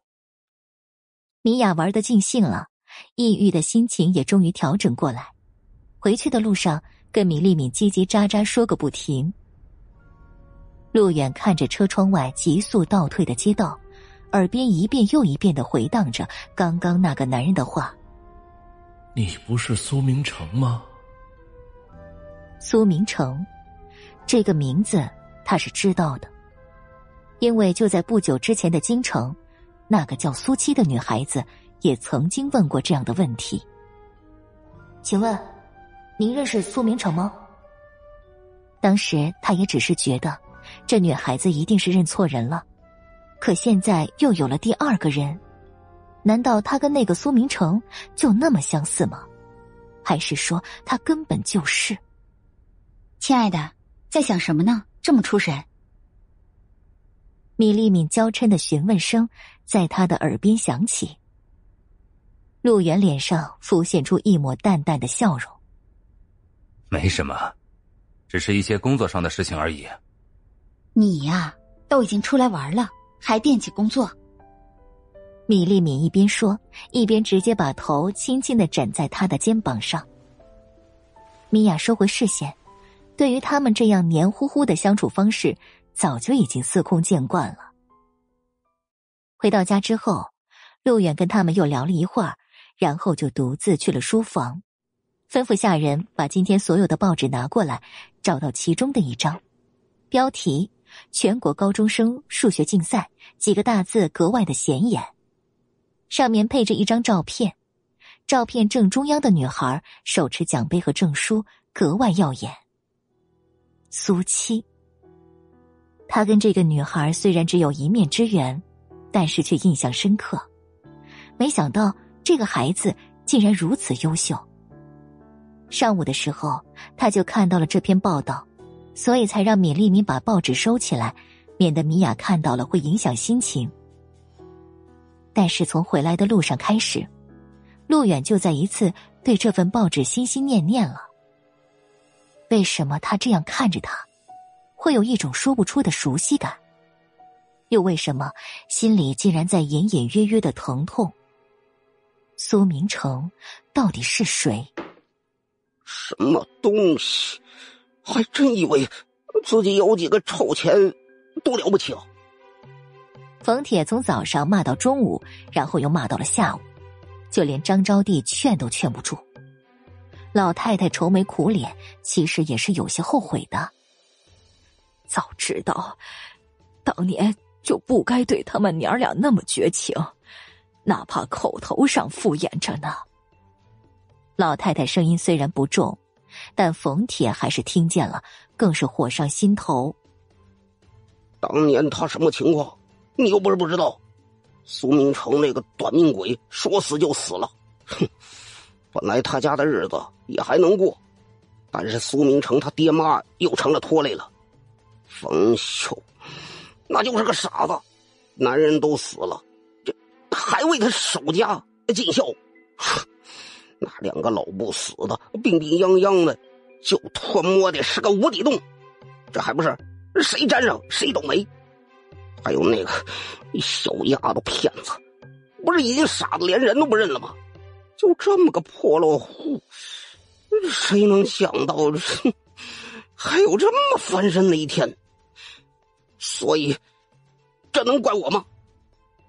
张招娣也不停的点着头。冯铁这话倒是一点都不假。像冯秀这样一根筋的女人，估计都快绝种了。这一辈子硬生生的就被一个死了的男人给拖垮了。如果换成是他，恐怕早就改嫁多少回了。哼，冯秀就是个没心肝的，都能为那个死鬼的爹妈养老送终，可是连自己亲妈的死活，他是不管不顾，活该他是有报应。冯铁说着，又愤愤不平的咒骂起来。东街小巷二十三号，一身男装的苏七站在大门前，看着上面落的锁头，眼眸深邃。看来他还是来晚了一步。这里就是冯铁说的那个老光棍的家。本来他应该马上就过来证实的，但是却因为冯秀耽误了。不过，对方消息得到的这么快，反而验证了他的猜想。所谓的老光棍儿，应该就是大院里某个人故意安排的。双腿用力，直接翻上了一米多高的墙头，看不到人，里面总会留下一些证据的。七苏，真的是你啊！苏七刚从东街小巷走出来，迎面一个女生兴奋的声音传过来。爆点击，快订阅！第二百三十四集。呃，苏西下意识的摸摸脸上的口罩，然后淡定了神色。赵蕊几乎小跑着到了他跟前，娇俏的脸上好像开了一朵花。嗯，齐苏，我是赵蕊，你你不记得我了吗？他的声音都在微微颤抖着，因为实在太开心了。自从上一次在搏击场分开之后，他们就也再也没有见过面了。他甚至不知道该去哪里找他。嗯，记得。苏琪稍微压低了嗓子，看到他背着书包，才发现现在正好是放学的时间。赵瑞俏脸一红。嗯嗯。齐素，你家住在这边吗？他刚才看到他从里面的胡同里出来的。苏七摇摇头。我就说呢，你要是住在这里，我怎么可能不知道呢？赵蕊一边说，一边羞答答的看着他，跟往常大大咧咧的性子比起来，简直就是判若两人。你对这很熟吗？苏七若有所思。啊，还可以吧。这里距离他家武馆也不远，所以住在这边的人他几乎都认识。苏七眼睛一亮，那太好了。他可是正愁没人去打听呢。赵蕊有些疑惑，显然不明白他说的“太好了”是什么意思。走，我去请你吃糖葫芦。苏七跟他示意着，丝毫不担心他会拒绝。啊啊！赵蕊被他的热情搞得不知所措，毕竟他见到齐苏，从来都是一副对什么事情都很冷漠的样子。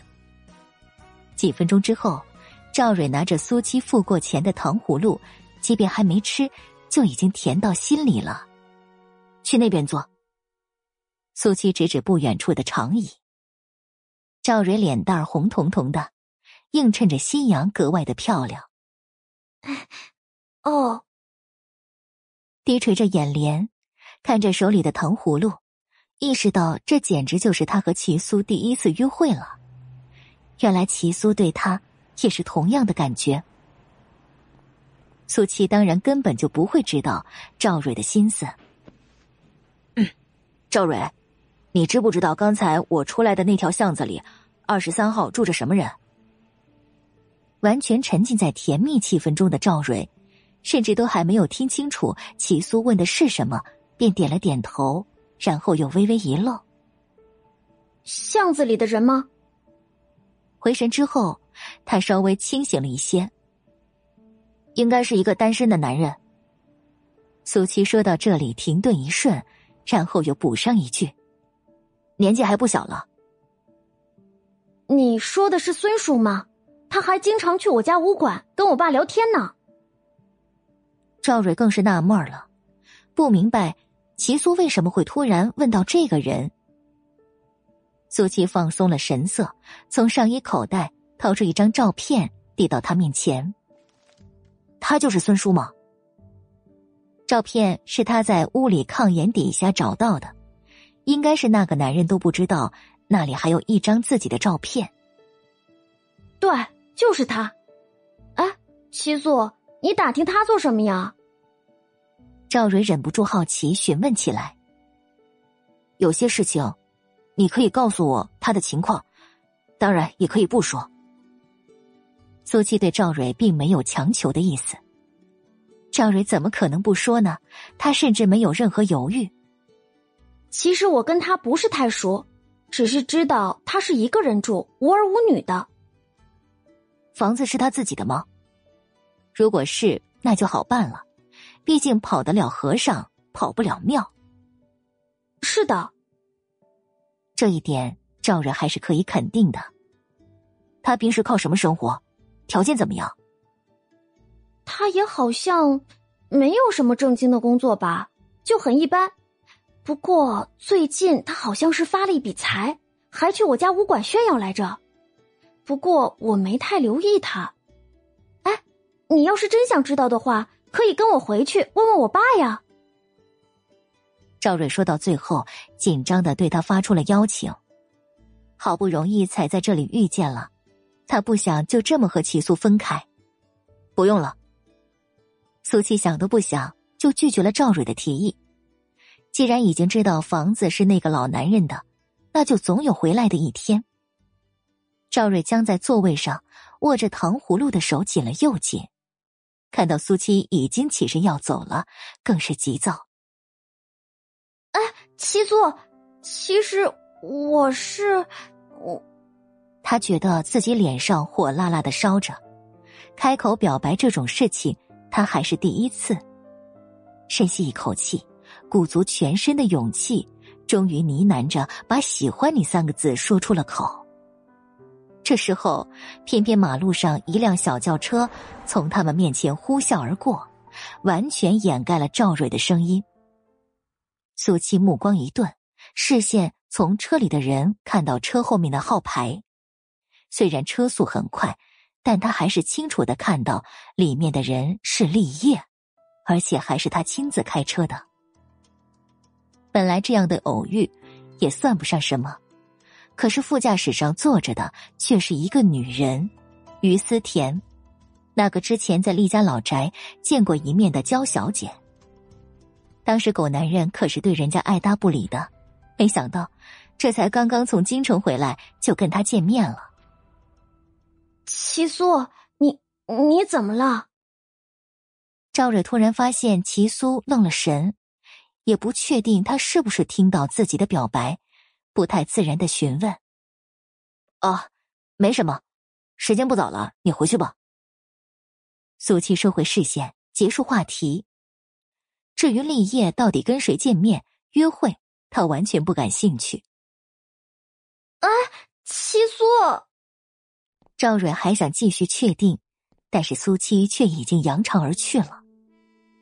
赵蕊看着他离开的背影，久久都舍不得离开。明明跟他也同样的年纪，同样的年纪，那齐苏也是在上学吗？这个突如其来的念头让赵蕊有些兴奋。不过一瞬之后，便又否定了。城里就只有圣德高中而已，他可没发现学校里有哪个男生像齐苏的。况且也不是所有人都能上高中的，虽然齐苏也很优秀。所以刚才他的表白，齐苏到底有没有听到？还是听到了，不想让自己伤心，所以才装作没有听到？坐坐坐，嘿。第二百三十五集。清晨，苏七从胡同里出来。哟，苏七去上学呀？前两天听你妈说去京城比赛了，怎么样啊？几个妇女正拿着扫帚扫院子，看到苏七之后，马上就兴冲冲的迎上来。昨天的事情之后，他们都知道苏七家盖房子的钱并不是那么得来的。所以，对苏七的态度也是一百八十度的转弯。还可以，苏七不咸不淡的回着。因为这里距离京城实在是有些远，就连京城那边的报纸都要晚一天发售，所以苏七得了一等奖的消息，外面的人都还并不知道。哎呦，你也不用太灰心，就当做出去见见世面了。京城那边繁华的很，有些人想去都去不了呢。妇女几乎马上就把“还可以”和“不怎么样”画上了等号，主动安慰了他。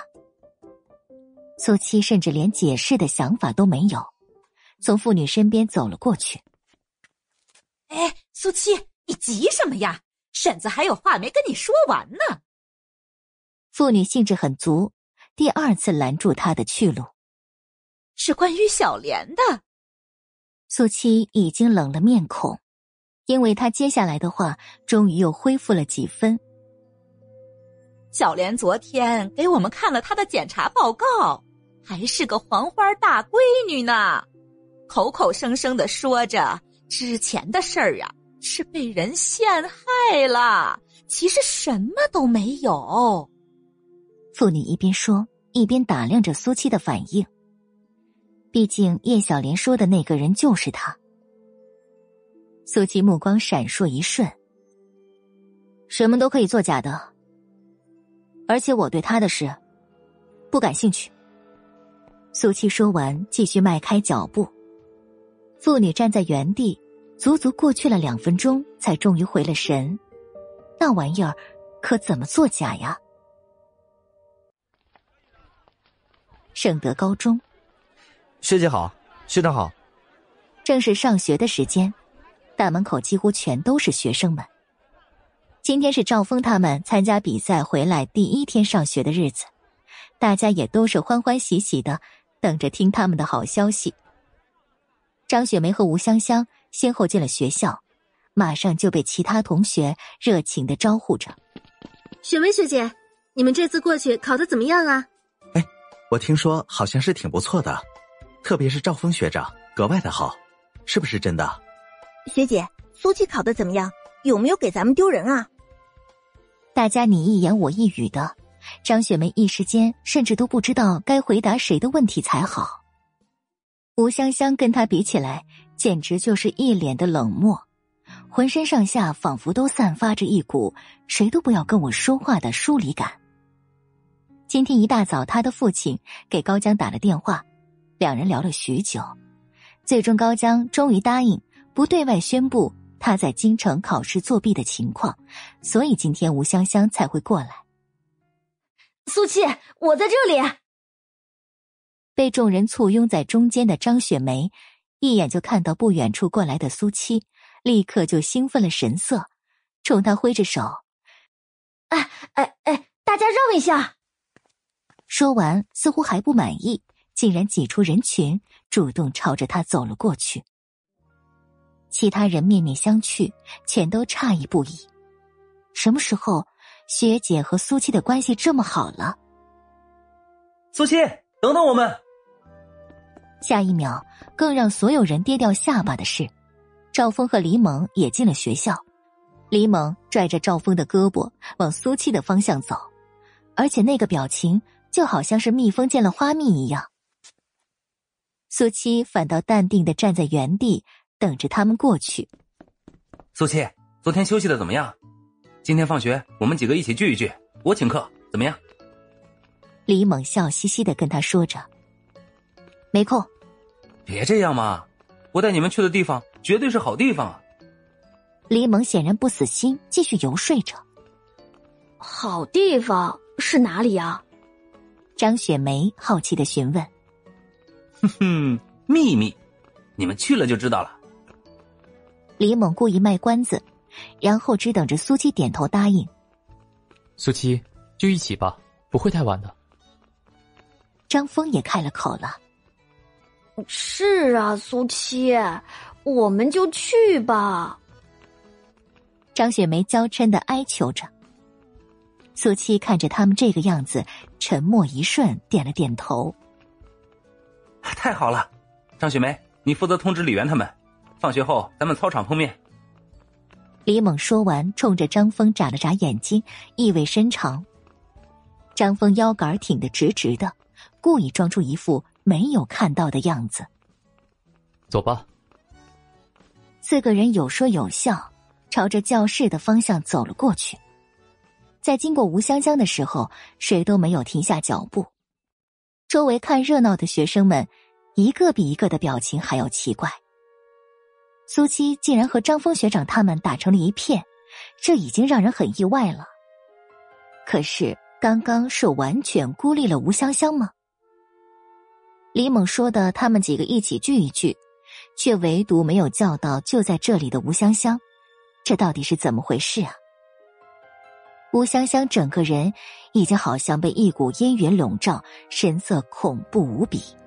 他们简直现实到了极点，竟然这么明显的排挤他了。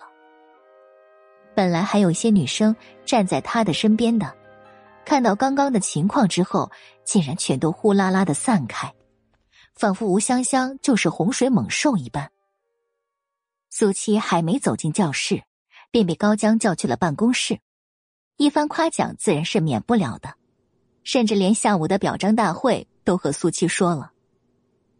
苏七很平静的应着，脑子里想的却是另外一件事。苏西，那天你回来的早，圣都大学还有国际大学，都已经跟孙副校长打过招呼了，同意给你保送名额。你和你家里人商量商量，然后赶紧把这件事情定下来吧。高江其实是更中意圣都大学的，毕竟那是国内最好的一所大学了，而且张峰也是被保送的，能够先他一年过去就读的。我知道了，校长，您认不认识其他出版社的负责人？苏七岔开话题，跟他询问起来。他已经想得很清楚了，目前能够最快速的让他名利双收的事情，就是好好的运作。女王的作品和笔名，有能力和底气之后，才可以开拓更好、更大的平台和视野。怎么，你是想要出版《与恶同行》？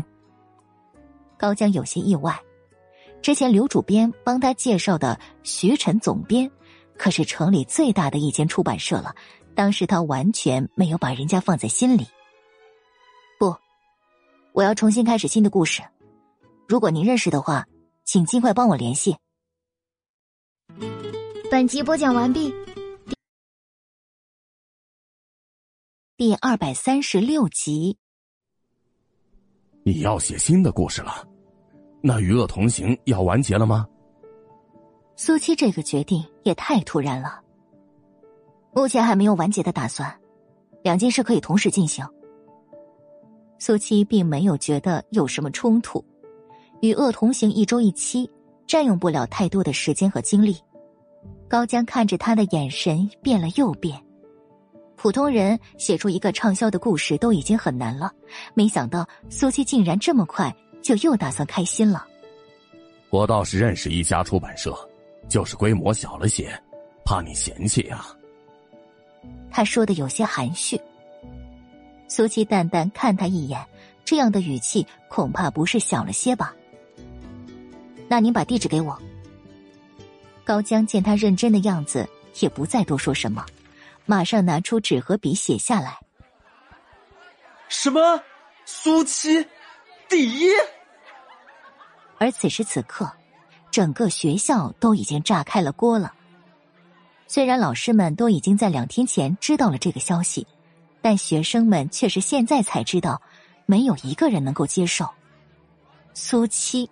第一，还还是满分，倒不如告诉他们，太阳是打从西边出来的，母猪都能爬树了。但这是张峰他们说出来的，实在做不了假的，而且甚至已经有人马上去跟老师确定，也得到了肯定的答复。这个世界简直就是太魔幻了！拿到全国高中生数学竞赛第一名的考生，竟然是他们学校的傻子。不不不，现在的苏七怎么可能还是傻子呢？每个学生都被这种巨大的差距刺激着，以至于苏七回到教室的时候，整个教室鸦雀无声，所有人的眼睛都紧紧的落在他的身上，就好像是在看怪物一样。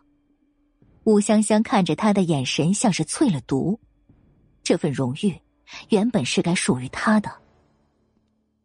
苏七面无表情，从最前面走到最后面，直到上课铃声响起，周康才从外面走进来。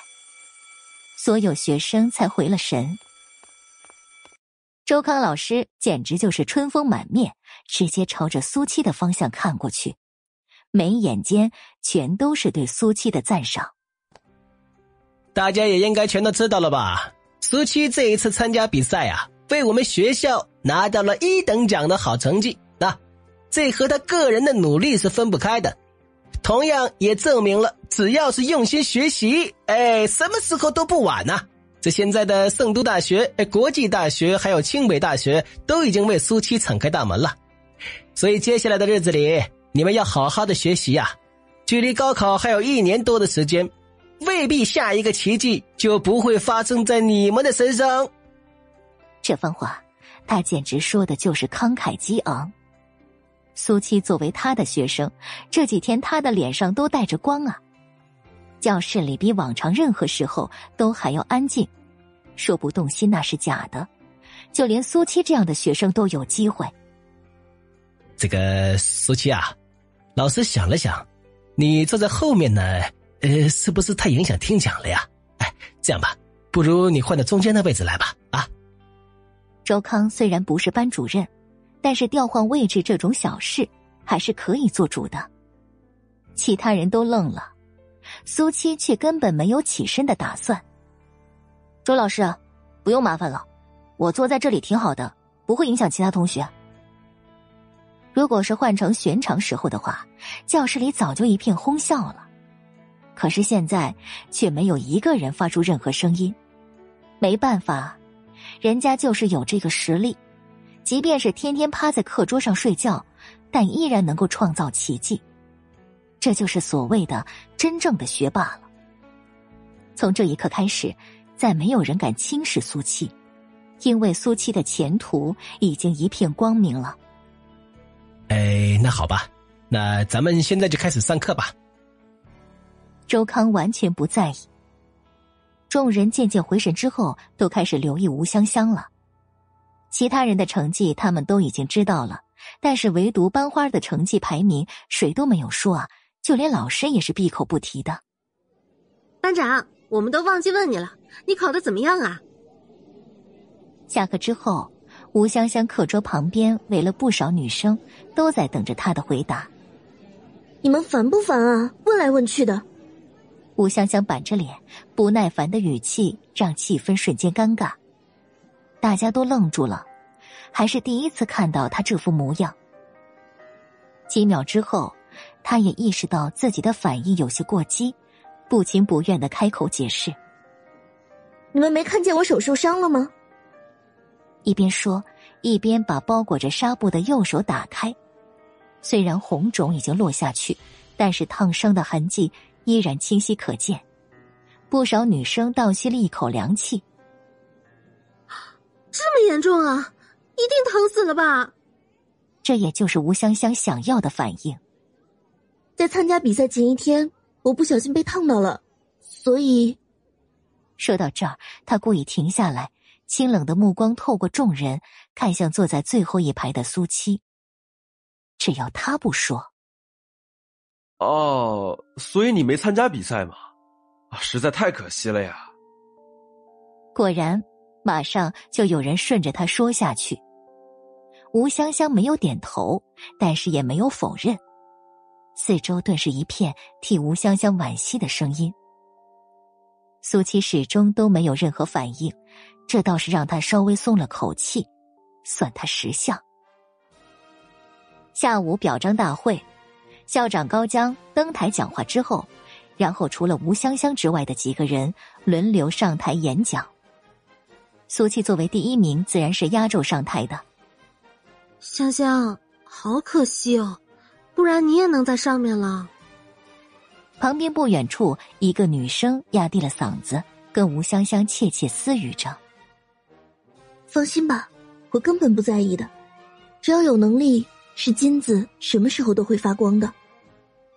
现在的吴香香已经完全恢复到了平常、淡定、骄傲的状态。下面请苏七同学上台演讲。张峰之后，终于到了苏七。苏七起身，吴香香撇撇嘴，眼底充满了怨毒。一片掌声中，苏七站到了瞩目的讲台上，所有人都在等待着他开口，也都在期待着他会说些什么。这次的京城之行，确实让我印象深刻。苏七开了口，声音不轻不重，也没有什么情绪，平铺直叙。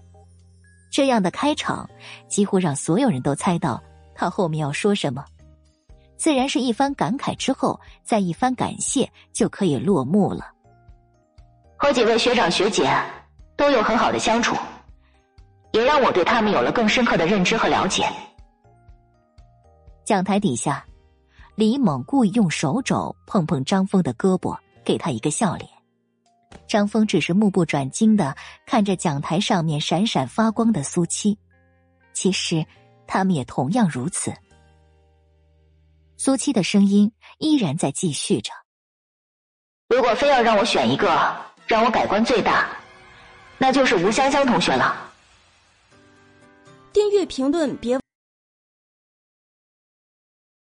第二百三十七集，苏七的一句话让所有人都愣住了，就连高江、孙海他们都不例外。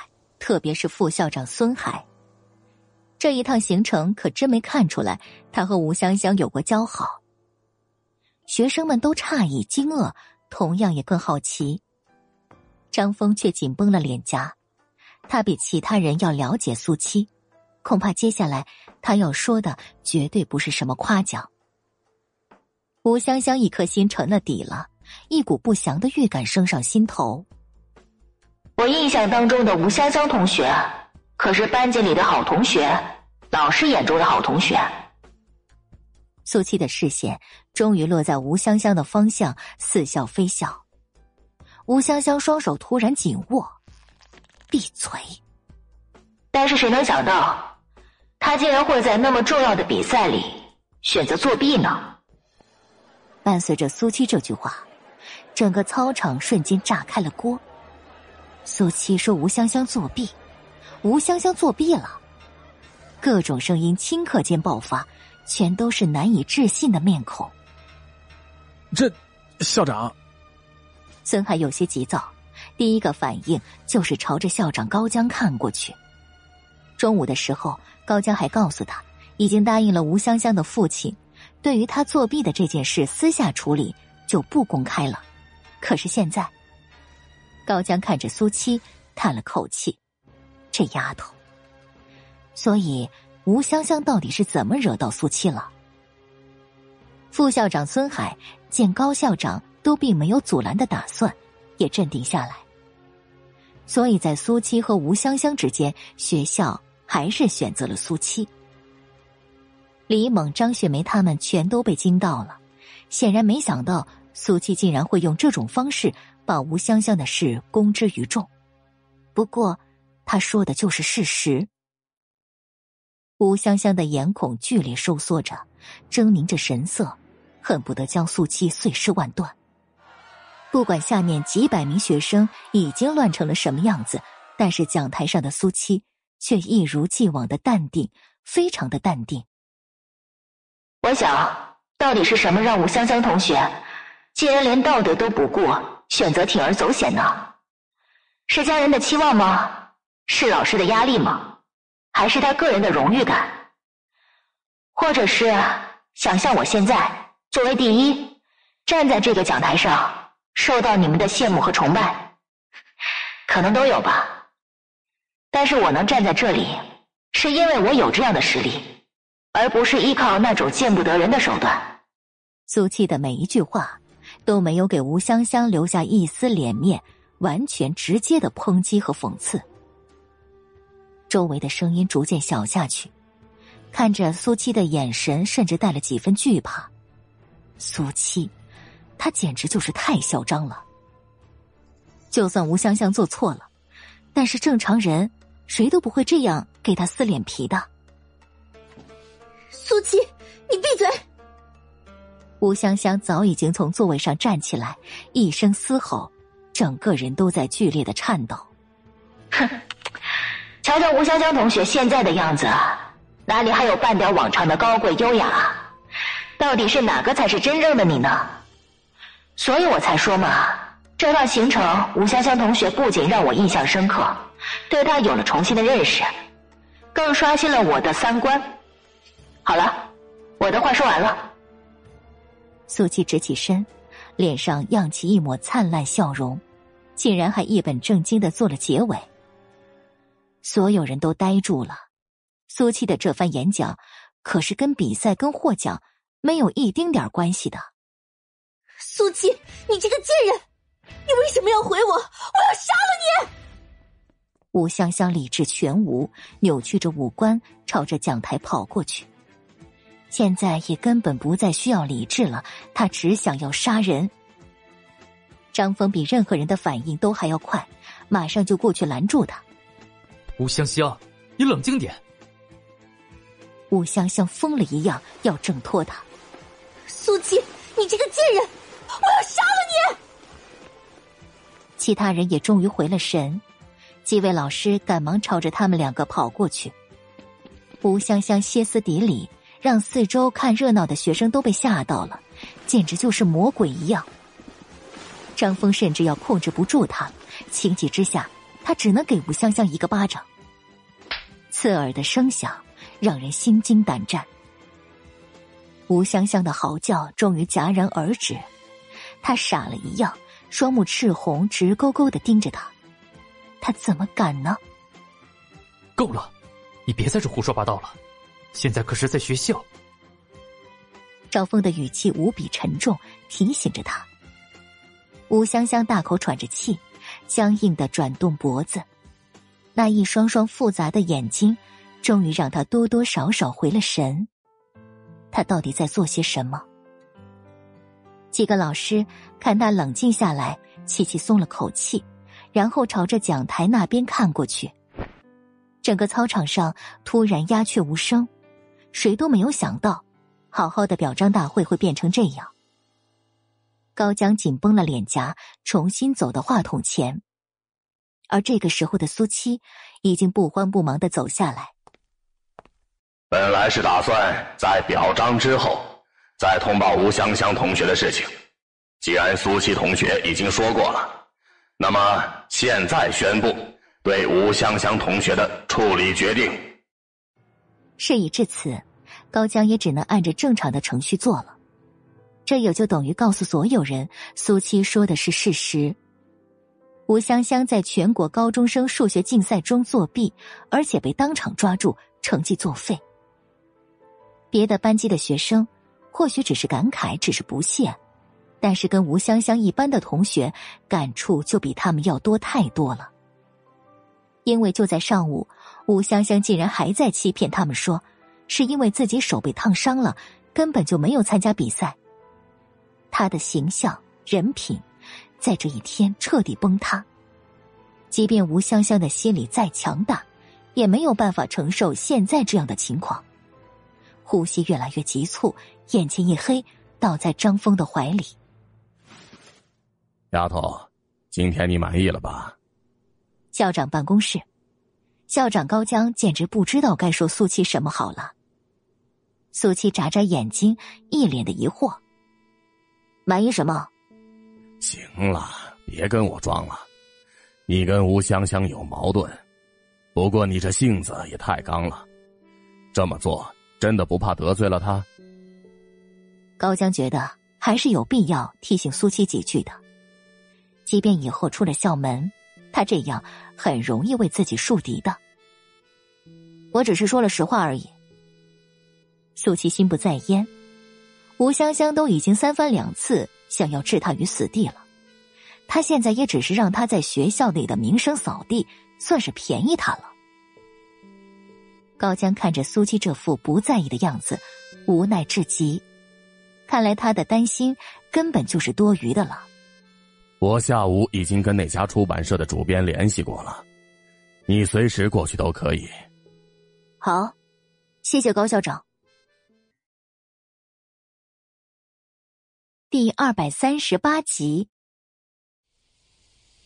周末，苏七再次确定着高江写给他的出版社的地址，就是这里没有错。看着面前甚至有些破败的院子，实在很难把他跟出版社联系起来。虽然在高江跟他说这里规模有些小的时候，苏七就已经有了心理准备，可现在还是被惊到了。请问，有人吗？没有门铃，大门是开着的。苏七直接就进了院子。片刻之后，一个中年男人从里面走出来，邋邋遢遢的衣服，完全不修边幅的络腮胡，再加上堪比女人的披肩长发，想不让人过目不忘都难。苏七愣了愣：“啊，你找谁啊？”中年男人打量他一眼，然后打了个哈欠，似乎刚刚睡醒。即便现在已经是上午十点多了，苏七沉了口气，来都来了，而且还是高江介绍的，应该不会特别不靠谱的。啊，我找陈秋，是高校长介绍我来的。中年男人有一瞬间的意外，又看了苏七两眼，然后对着他偏偏头。哦，跟我进来吧。苏七也没犹豫。跟上他的脚步，本来还算宽敞的房间里，到处都是书籍、报纸，甚至连地上都被丢得满满当当的。三张办公桌上，更是连一个可以写字的地方都显得格外奢侈。哎，有点乱啊，你自己找地方坐吧。中年男人很随意的跟苏七示意着，苏七眼神晃了晃，完全没有去做的打算。嗯陈秋主编在吗？再次询问，因为这里只有他一个人。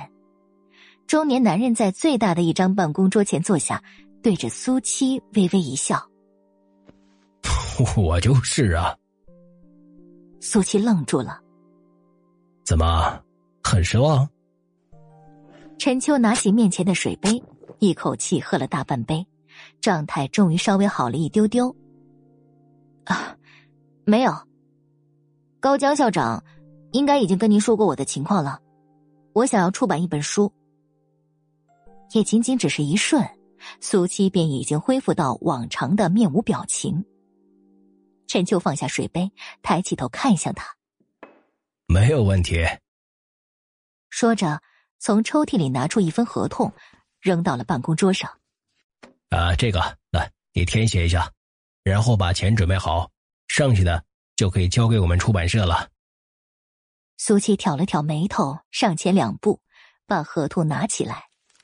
前面的内容基本跟之前许晨提供给他的几乎一样，对字数、对交稿时间，还有印刷册数，都需要他来填写。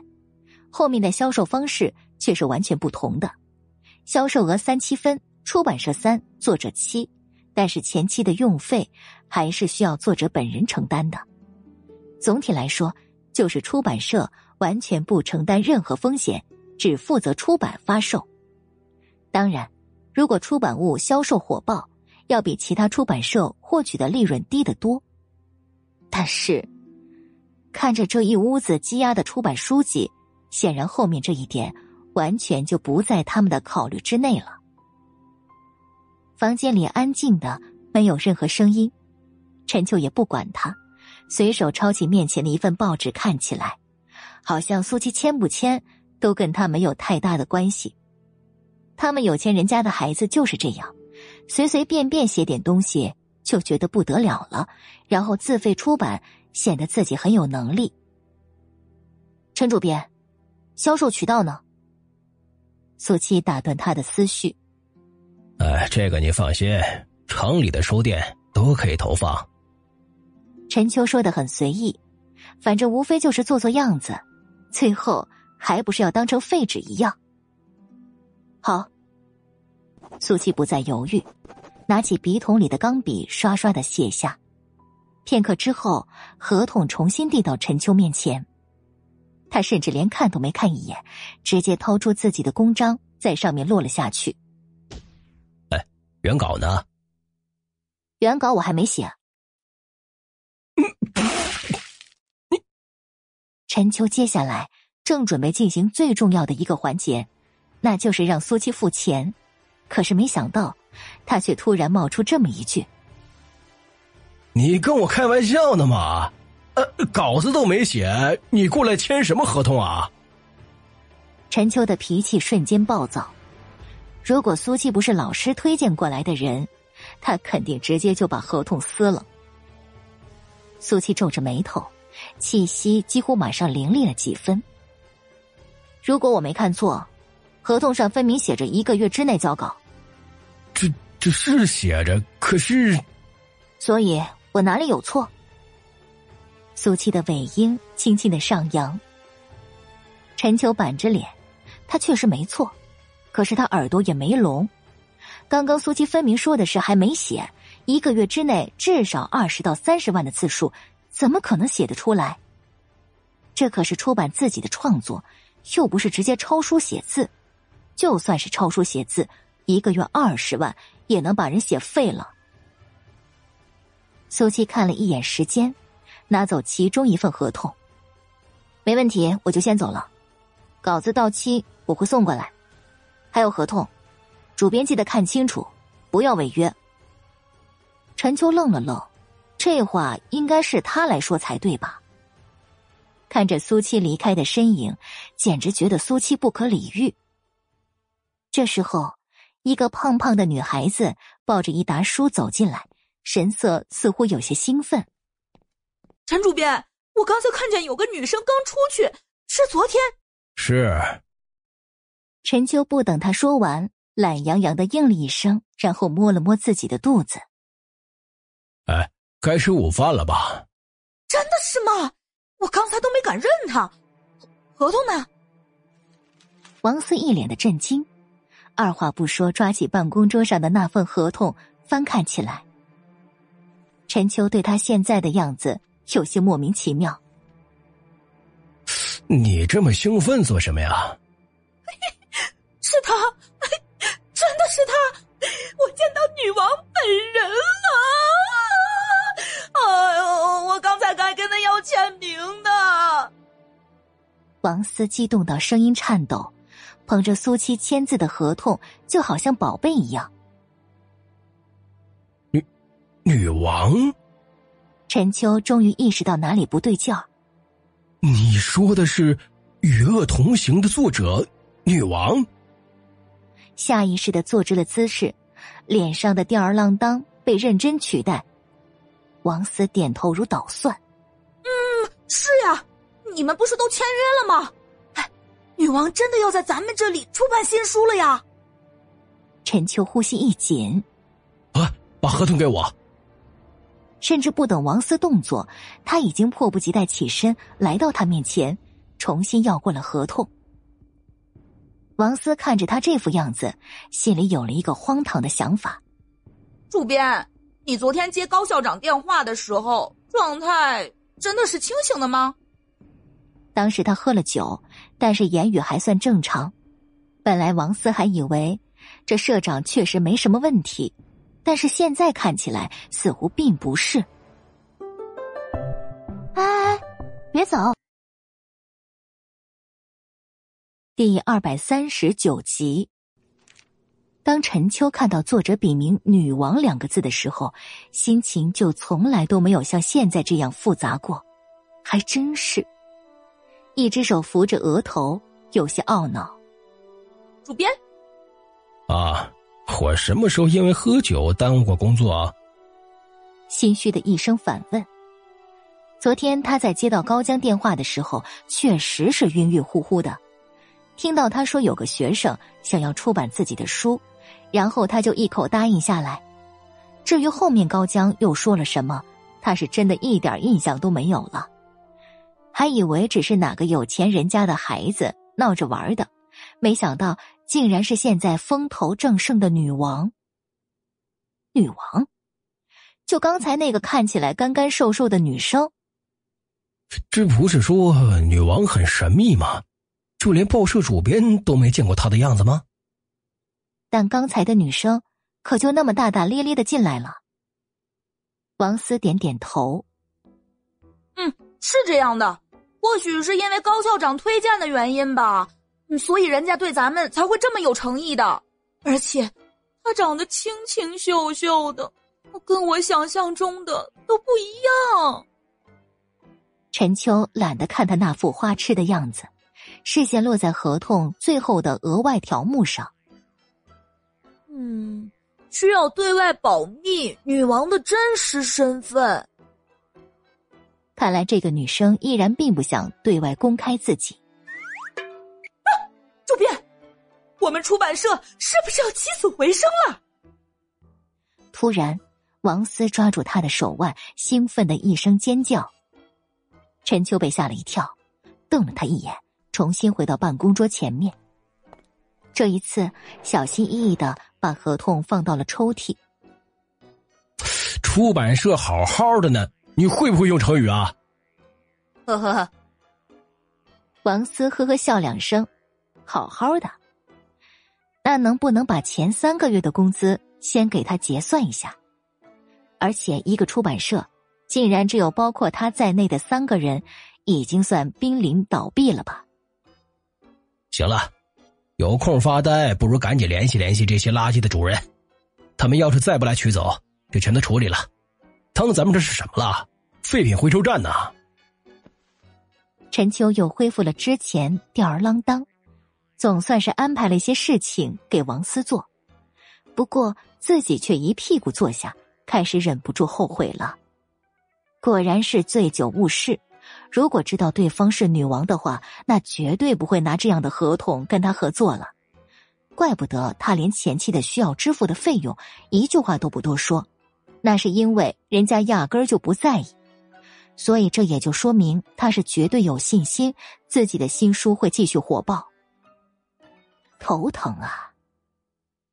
厉家，奶奶，我给你买了一些补品，您记得吃。立业难得在家里跟老太太一起吃午饭。哎，我都这么一大把年纪了，再吃什么都不管用了。你要是赶紧让我看见重孙子呀，我肯定还能多活几年呢。能让老太太心心念念的，也就只有这件事情了。如果是平时，立业基本都是沉默不语的，可是这一次，他却忍不住笑起来。奶奶，您是不是想苏琪了？你还知道啊？那孩子自从上次走了，到现在都已经多少天了？人家不来，你也不积极，活该你这么大年纪了还是单身。老太太埋怨：“就他立业这样不冷不热的，估计在自己有生之年都没可能看到重孙子了。”立业似乎正在等着老太太这句话，眼底一抹金光。我让管家去接他过来，不就可以了吗？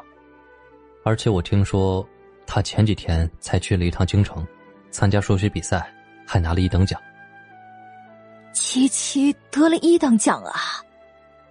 老太太实在是被惊到了。虽然她很喜欢苏七，但是对苏七的学习情况还是了解一些的。之前圣德高中的高校长可是跟他说过，那丫头在学校就是掉尾巴的存在。嗯，而且还是满分。立业嘴角微微上扬。老太太几乎马上就发现立业的不对劲儿，眼睛眯起来。哼，你怎么知道这么清楚呀？自己的孙子不是从来都不在意人家吗？难道？立业察觉到老太太的探究，干咳一声：“呃，上了报纸，而且有他照片。”老太太听他这么说，简直更好奇了。立刻让管家把立业说的报纸找出来。果然，上面很显眼的一番报道。哎，还真是啊！哎，琪琪这丫头怎么这么出息呢？我就说嘛，她随她爷爷，以前她爷爷就是村里啊出了名的秀才。立业顿时无语了。老太太好一会儿夸赞之后，才把报纸放下，吩咐管家一定要把苏琪接过来。你今天下午啊，哪里都别去了，就在家跟琪琪好好培养一下感情。有些事情啊，可别让奶奶逼着你做。老太太十分严肃叮嘱着孙子。立业强忍着笑意，满脸的不情愿。奶奶，强扭的瓜不甜。老太太瞪着他，还不都没吃呢，你就知道不甜呢？本来他只是反驳立业的，老人家真没那么多的想法，可是落到立业的耳朵里，就又是另外一层意思了，甚至脑子里已经忍不住在幻想那样的画面。不过到了最后，却是苏七肯定会杀了他的结局。老太太疑惑的看着自己孙子，突然变幻不停的神色，还是觉得他似乎哪里不对呀。冯秀看到厉家的管家，一颗心直接就揪起来，第一个反应就是，立业肯定是告诉老太太他家前几天发生的事情了，所以老太太不高兴了，安排管家过来。王管家，七七出去打工了，要晚上才能回来。老夫人找七七，是有什么事情吗？惴惴不安的询问着。您别紧张，老夫人只是想苏小姐了，接苏小姐过去吃个饭而已。您可以告诉我苏小姐工作的地方吗？我直接过去接她。只是吃饭。冯秀再次小心翼翼的确定。管家很认真的点点头，不明白他为什么会这么紧张。冯秀盯着他的表情，似乎并不是在骗他，这才松了口气。他就在学校对面的书店打工，您可以晚一点过去，因为这个时间还没有下班。好的。管家应下，然后驾车离开大院。哎，冯秀啊，刚刚开车来的人是谁啊？胡同里的街坊们一双双眼睛都在盯着他们家，看到人走了，马上就沉不住气了，过来八卦的打听着，最近这对母女可实在有些不得了啊。第二百四十集，管家依然是在傍晚大院门口等着苏七。苏小姐，老夫人让我来接您。面对他，看不出一丝的异样。有事吗？苏七并不想去，但这位管家是个死脑筋的，就会一直等。老夫人想您了，请您过去吃饭。你已经去过我家里了吧？虽然是在询问，可是苏七的语气却非常肯定。管家点点头，苏七没有再说什么，直接上了车。厉家。老太太可是整整等了一个下午，看到苏七进院的一瞬，眉眼弯弯。哎呦，琪琪来了呀！哎呀，你可是对人家好一点嘛。起身之前，还不忘叮嘱一直陪着他的立业。嗯。立业很冷漠的应了一声：“哎呦，琪琪啊，快来，让奶奶看看。”苏琪每次过来。老太太几乎都要细细打量一番，当然这次也不例外。气色好了些，人也胖了一些，特别是那双大大的眼睛也有了神采。苏西跟他打过招呼，特意忽略某个男人，然后任由老太太打量。立业自然察觉到了，有些疑惑，他这是又怎么了？琪琪呀，我听立业说。你前几天去京城了，还拿了一等奖呢。老太太让苏七坐在自己身边，心里欢喜的很。不知道为什么，她觉得这丫头每次见面都会很不一样，现在灵气的很呢。苏七这才朝着立业看了一眼。是，老太太欣慰的不得了。琪琪，你真是给了奶奶惊喜呢。以后你上了大学，你那个九泉之下的爷爷也肯定开心死了。啊哈！苏七敷衍的笑了笑，实在不知道该怎么样接他的话。老太太又自顾自说了好一会儿，直到立业提醒该吃饭了，这才停下来。饭桌上的气氛不错，可是他却不太满意，因为全程苏七和立业都没有主动跟对方说过一句话。他忍不住冲着立业使眼色，可是立业却完全没有反应。桌子太大，他就算是想要踢他一脚都够不着的。七七啊，你多吃点啊！自己孙子不给力，老太太也只能对苏七更加热情了。奶奶，我快吃饱了。苏七确实已经吃了不少。七七啊，家里的房子盖的怎么样了？老太太心里打着小算盘，也放下手里的筷子。啊，还差外装和内装，天气也冷了，打算明年开春再继续。哎呦，明年开春好啊！奶奶正好也有事想要跟你商量呢。老太太又朝着立业看了一眼，立业的直觉让他接下来要说的可能是：“琪琪呀，你和立业也订婚有些日子了，奶奶想着抽空去找找你妈妈，给你们挑个好日子，就把这婚事啊给办了吧。”老太太算是想清楚了，也只有生米煮成熟饭，他这心里才算是真正的踏实。苏七实在是没想到，老太太会突然冒出这样的想法，结婚。他和狗男人，我不同意。下一秒，他到了嘴边的话却被立业说出来。立业脸颊紧绷，浑身上下仿佛都散发着一股抗拒。奶奶，结婚的事儿还早。老太太脸上的表情瞬间凝固，恨不得直接给孙子一巴掌。他明年可都二十六了，还不娶媳妇儿，是想要做老光棍吧？而且人家苏七都还没说不行，他倒是先拒绝了。你给我闭嘴！你想气死我是不是啊？奶奶，别的什么都可以，但是我的婚事必须由我自己做主。立业态度坚决无比，苏七呵呵了两声。